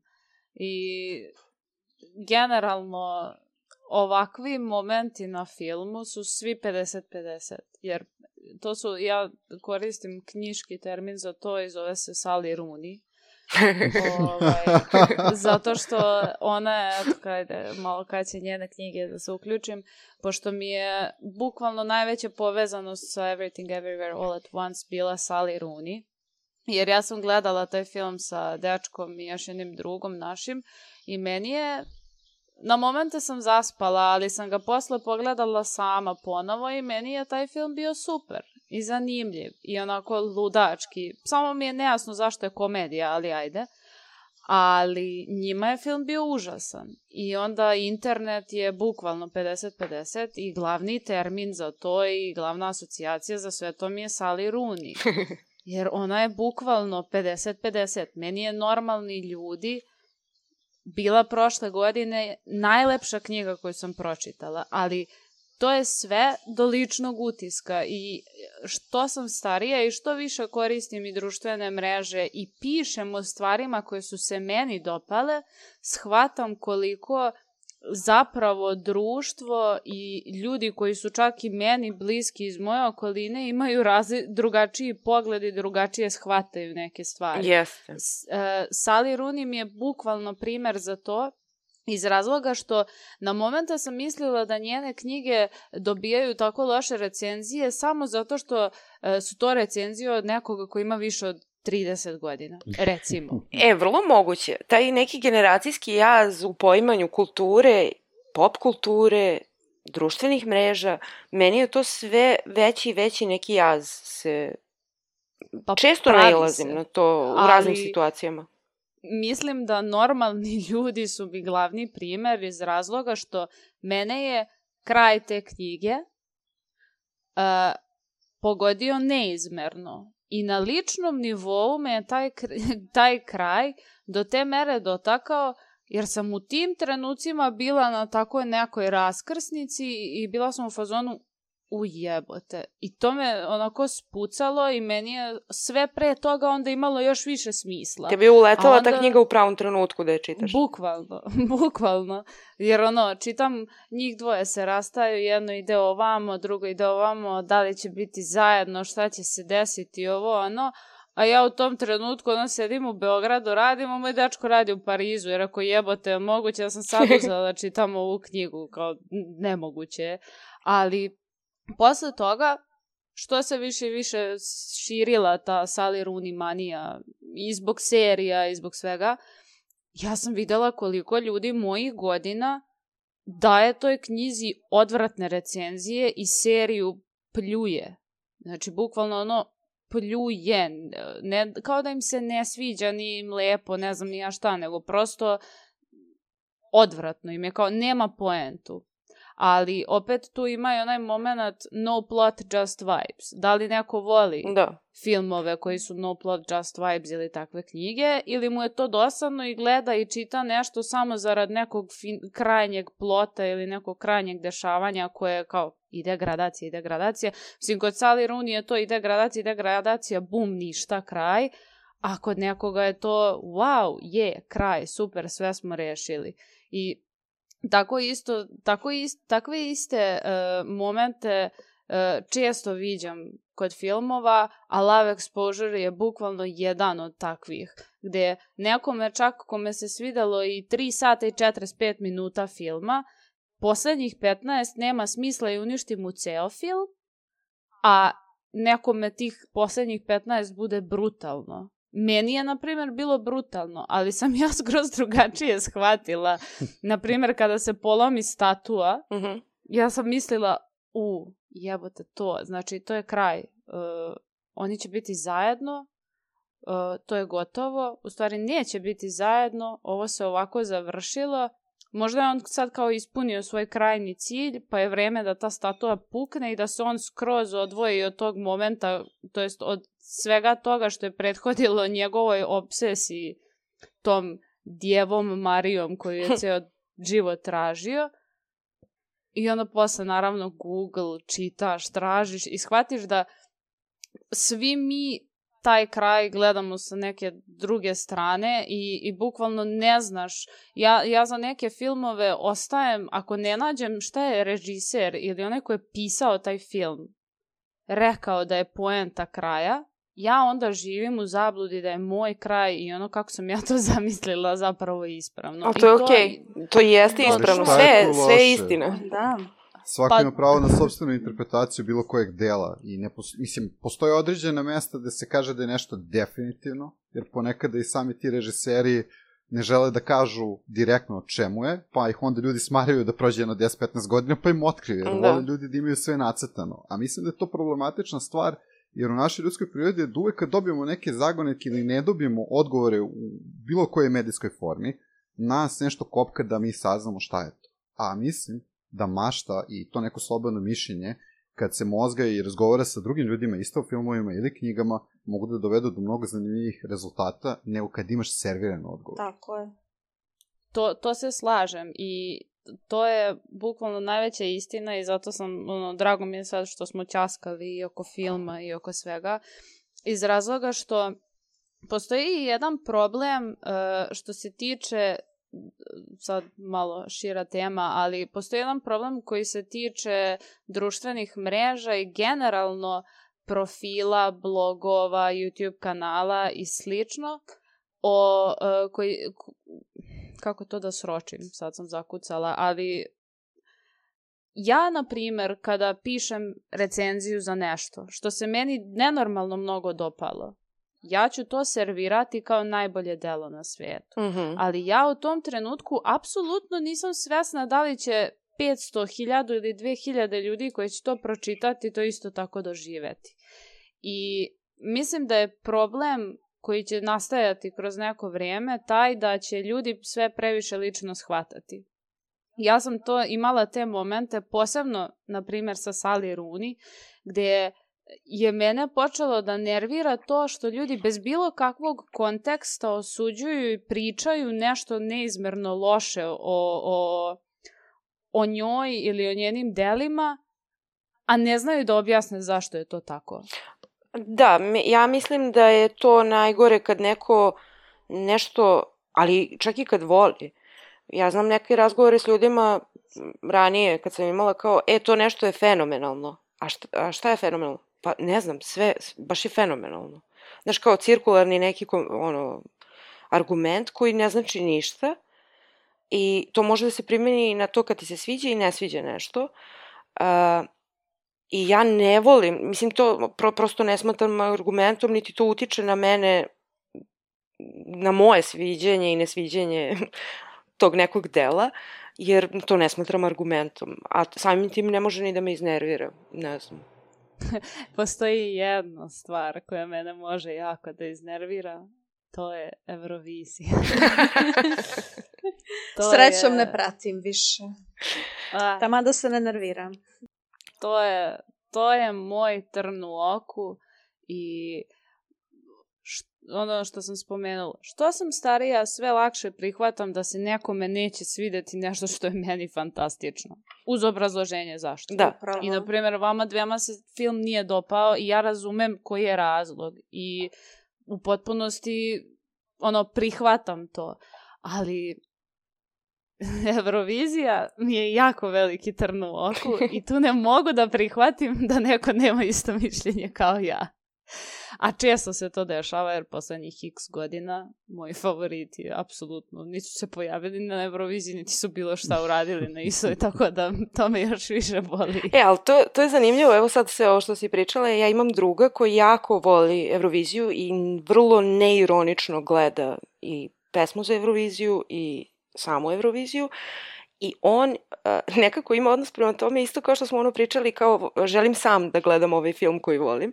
On ne želi sa društvom da gleda da ne bi slušao komentare drugih ljudi koji postoji opasnost da budu uh, u neskladu sa njegovim doživljajem i on Razumem prosto ga. on, on je meni rekao, na primjer, ne znam, u sredu je nešto trebalo, on kaže, ne, mi u sredu ne izlazimo iz kuće, u sredu je prvo polufinale.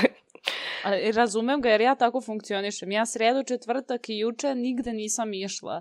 Kada dođe 9, 11, 13 maj, meni je to praznik. Prosto odrasla sam uz to.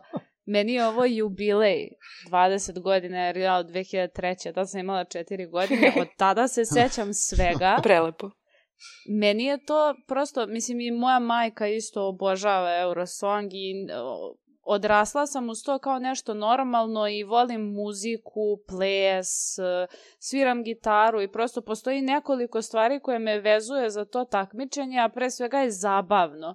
I muzika, mislim, i filmovi koji su vezani za muziku, Whiplash, Amadeus mi je omiljeni film. Opet sve to ima neku žicu koja je povezana, ali Eurovizija kao Eurovizija, ja znam da sa godin, da kroz godine, evo poslednjih pet samo gledam godina, apsolutno gubi smisao, ne gubi smisao, nego gubi publiku i mnogo se izmenilo i ljudi više nisu zainteresovani za to i zato ja sad malo koristim platformu kao što je bilo, kad je bilo svetsko prvenstvo u futbalu, ja sam konstantno komentarisala te stvari i bilo mi je nerealno koliko ljudi zapravo to gleda.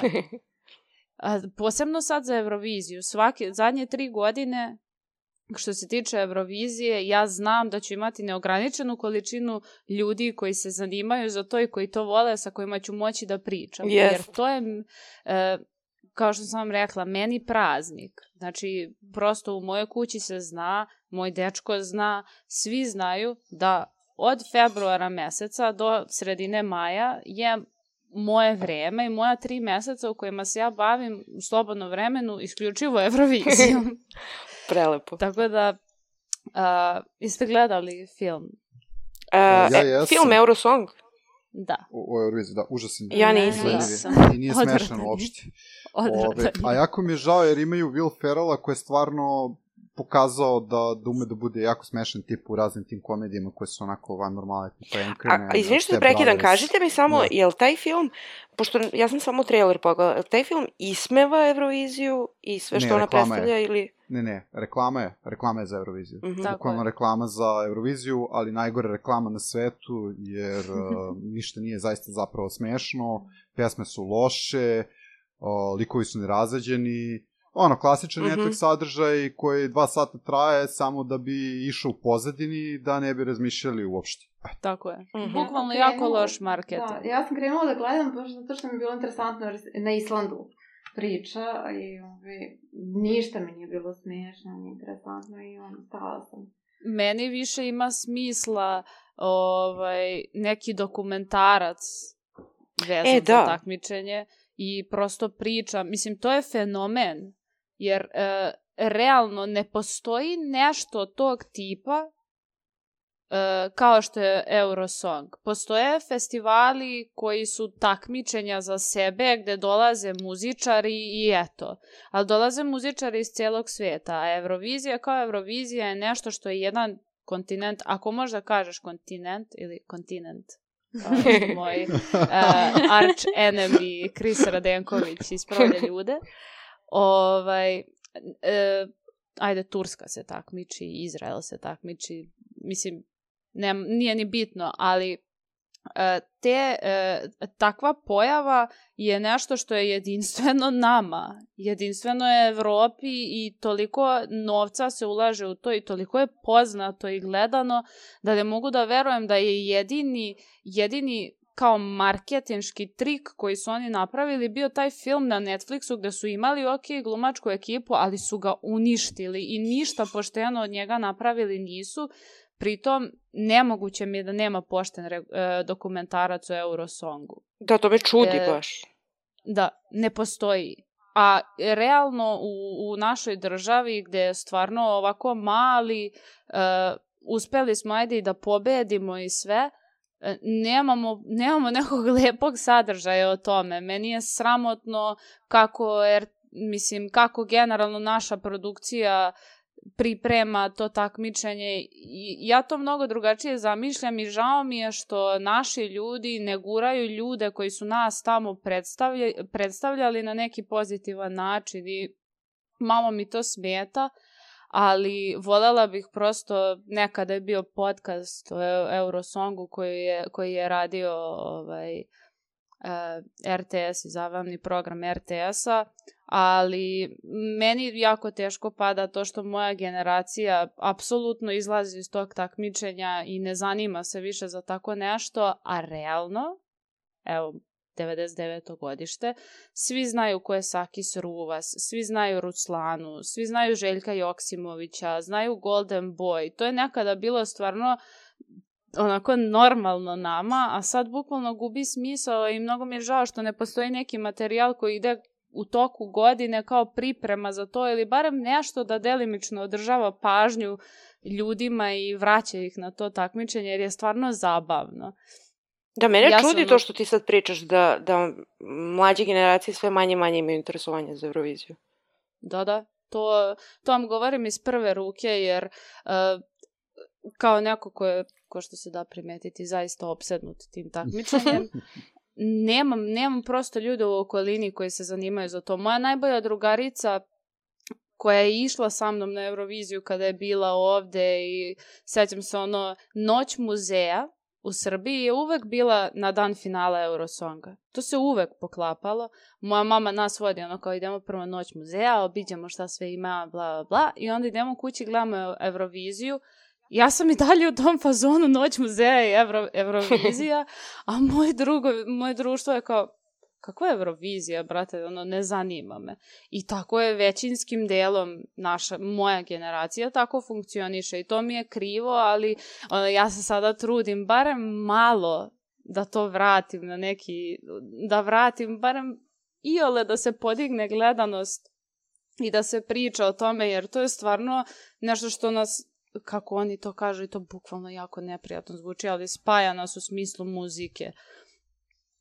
Tako da se iskreno meni, je, meni je nadam. nekako razumno da to posmatraš kao neki događaj koji je bitan za nas, jer u staroj Jugoslaviji, kad smo svi, mislim, kad smo svi bili pod jednim, jel te, pod jednom zemljom, pod jednim kao narodom, svi zajedno, dosta su odavde uh, ti muzičari predstavljali zemlju i pobeđivali uh, na takmičenjima Eurovizije. Jedino se nama kasnije ovo desilo sa Željkom Joksimovićem i ja mislim Marijom Šerifović, je li tako? Jeste. Ona je odnela pobedu. Ja, ja inače to malo manje pratim, ali mi je interesantno više kao neka pop kulturna stvar yes. s našeg podneblja, da ljudi su tako vatreni poput tebe i da mogu da pričaju o tome i da objašnjavaju zašto je ovaj izvođač ili ova izvođač, izvođačica bila dobra, zašto je ova koreografija u plesu juče uništila da dobiju još glasove ili zašto su ovako bili obučeni. Uh, ja recimo kao posmatrač sa strane, evo, sinoć sam gledao malo stream, uh, uhvatio sam, ja mislim, Gypsija, uh, ne znam koji je išao posle njega, možda onaj Baloš, i, Mm, i Luke Gypsy, Black, i Luke Black. Tako je. Da, i u suštini bilo me interesantno da vidim da sada su totalno nekako promenili sve te izvođače i izvođačice, jer pređašnje godine što sam uvek onako nekako površno ispratio kad se baš pisalo o tome, kad je recimo bila jel, te Marija Šerifović pobednik ili Žeko Joksimović nazad, skroz, skroz nazad u danu, ove, bilo mi je interesantno da vidim u stvari kako su sve nekako modernizovali i svi su nekako bili previše kičasto obučeni. Izgledali su kada su ispali iz uh, nekog miksera, svi su bili u šljokicama, svi su imali Ali to je Eurovizija, to je, to je kao Zar je od uvek bilo tako? given. Jest. Ili- Da, to, pa da, uvek je bilo to šljaštica. Da. Znači, Možda- uh, možda argument da je na taj Euroviziji, na, način, Euroviziji nešto kiči je prosto ne, nemogući argument. da, je Dobro, ja to kažem kao posmatrač sa strane.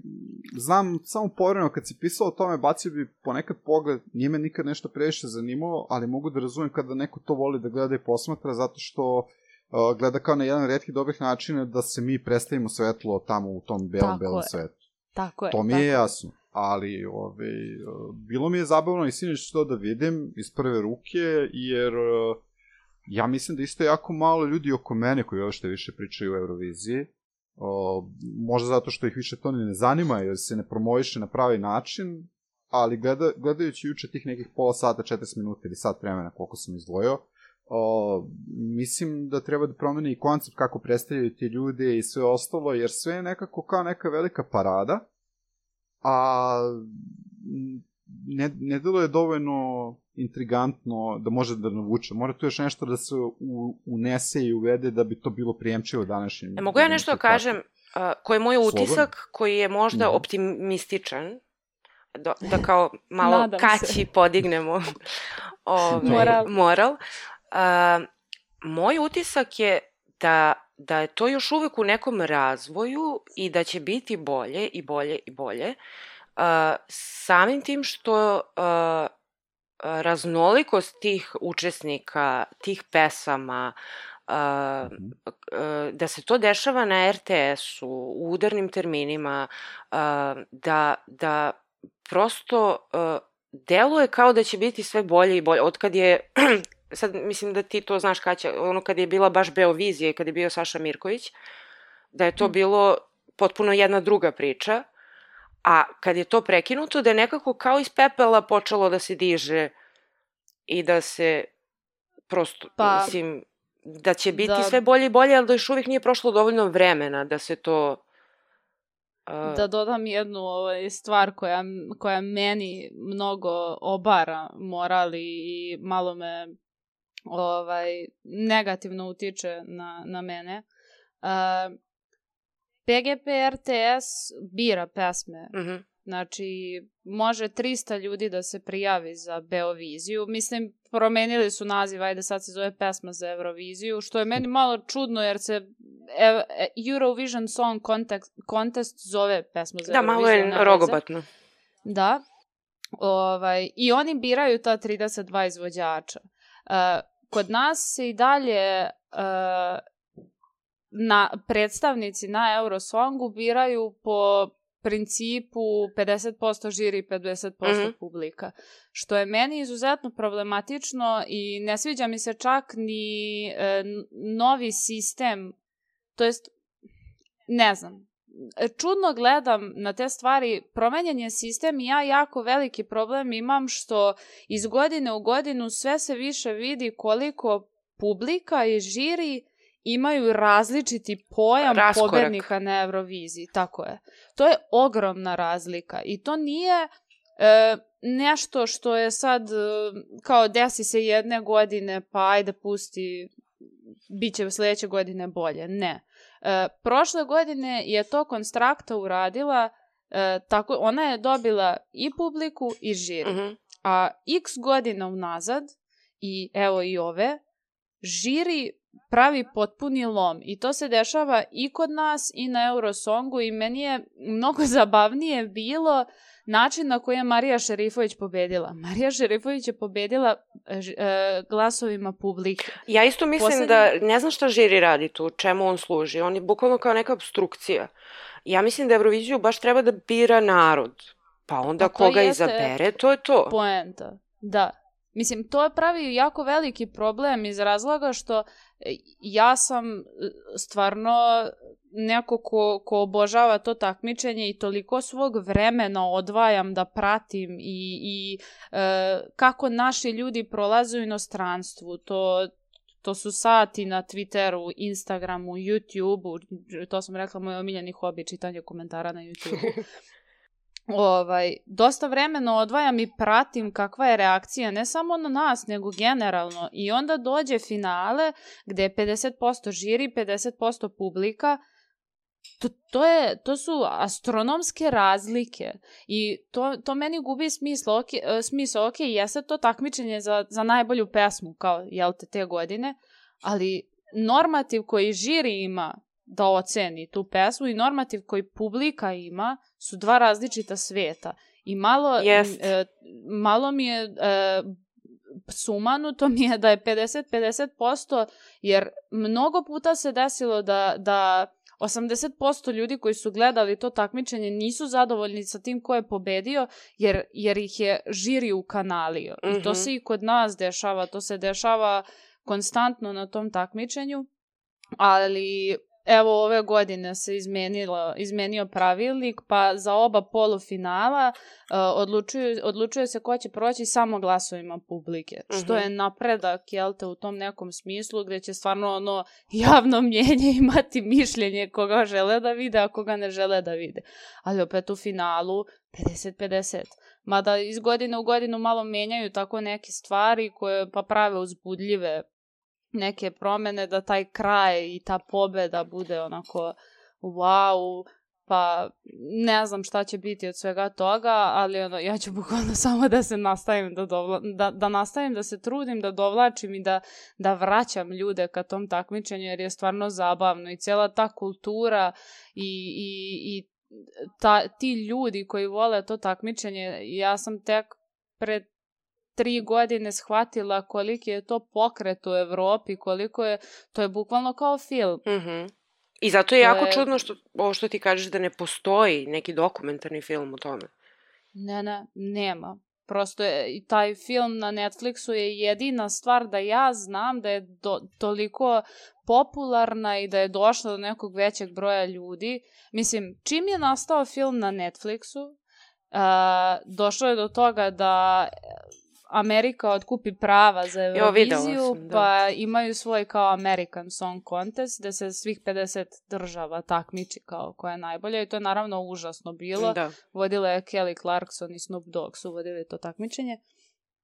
Ovaj, I nije 3% zanimljivo, ali ono, ja, ću, ja, ja se bukvalno samo nadam da će se u nekom trenutku nešto što ja pišem doći do, do ljudi koji se bave Eurovizijom u našoj državi i da, da će mladi ljudi poput mene dobiti priliku da malo pričaju o tom sadržaju, jer mislim, e, ja ne znam, ja, ja mislim da nema smisla sada da se nastavlja ovakav tip promovisanja tog sadržaja kada evo od pet favorita ove godine njih četvoro je rođeno posle 2000. godine. Apsolutno.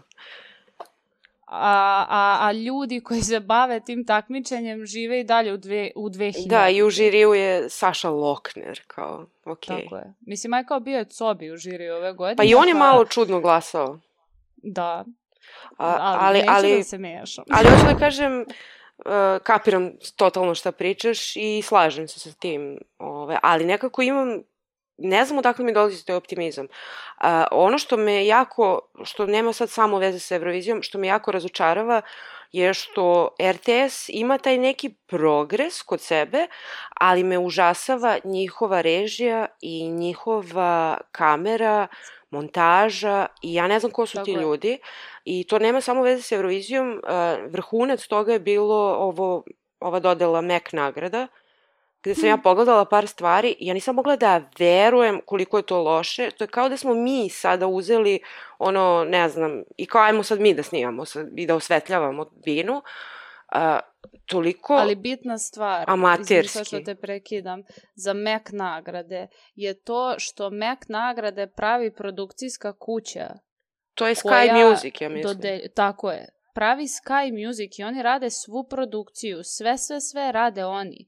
I sramota je e, to najveća meni, barem ne znam ko od vas je gledao ili bacio pogled uopšte na, na meka nagrade, E, to što ti ljudi dobijaju nagrade koje kakve za, ok, organizovanje koncerata je mnogo drugačije od organizovanja, od organizovanja dodele nagrade ili bilo čega mm -hmm. drugog. Mislim, do, dešavaju se propusti na svakoj dodeli nagrada, aj kad pričamo već ovde o filmovima najviše, Will Smith i Chris Rock. Da primera radi, ali ono što se dešava iz godine u godinu na dodeli Mac nagrada je bukvalno amatersko pravljenje tog takmičenja i bukvalno sramota, isto kao RTS sa pesmom za Euroviziju.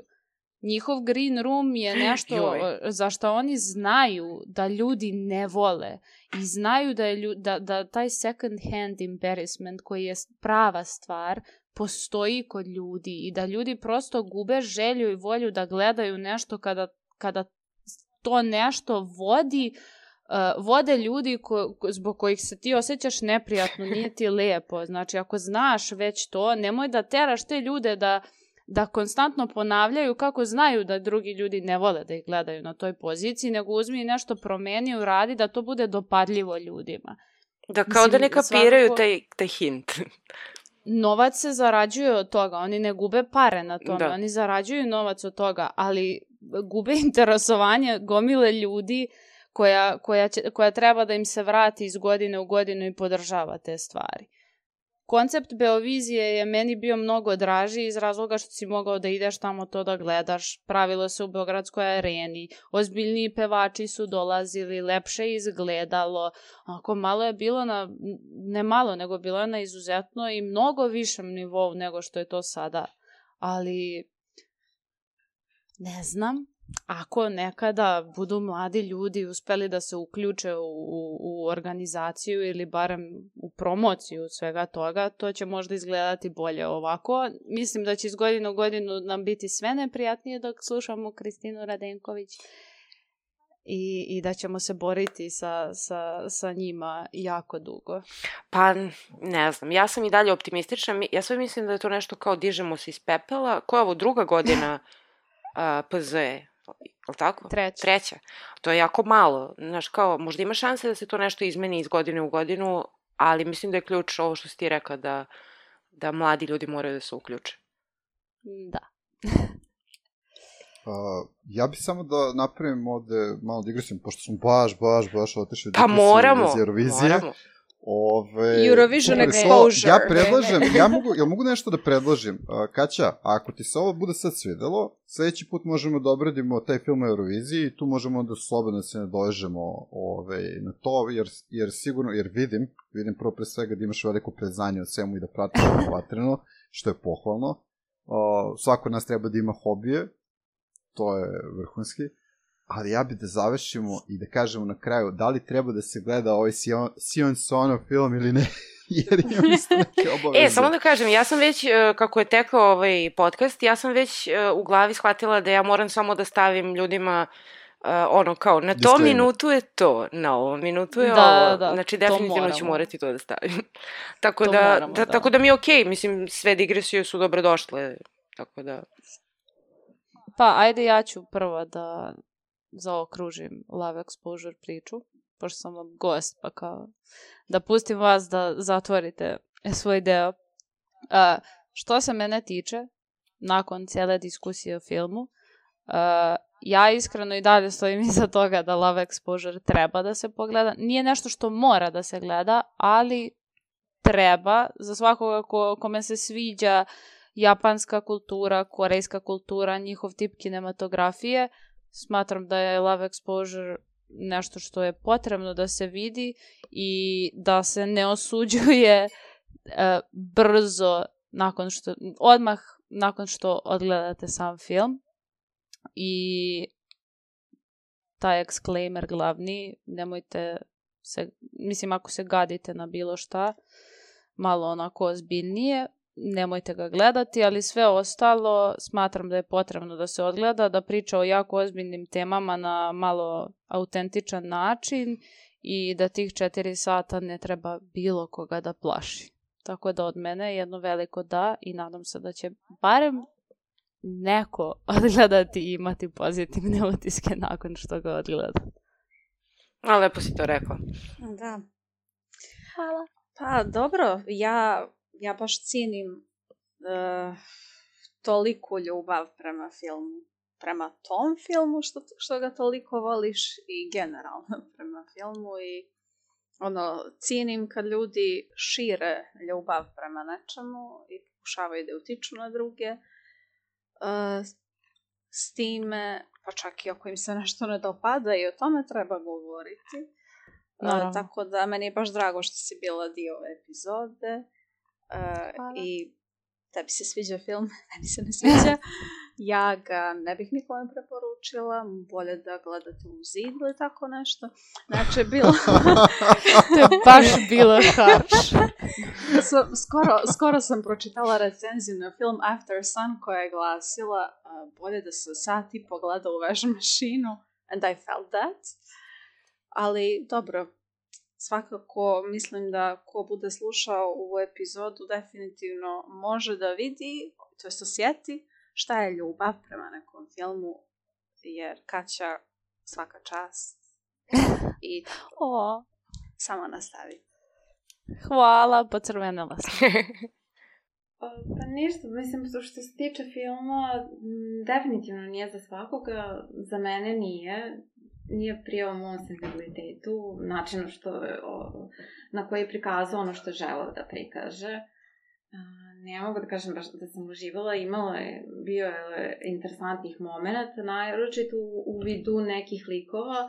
Ne verujem da bi m, likovi poput Ju i Oko, da su drugačiji nešto mnogo uticali, jer je prosto, ono, e, taj film jeste neki džumbus koji meni nije legao i ne znam da li bi ono kao, ok, va, nekima je lego, nekima nije. Ove, mislim da je ono, da bi trebalo da se pogleda da ono neko proceni da li je to za njega ili ne.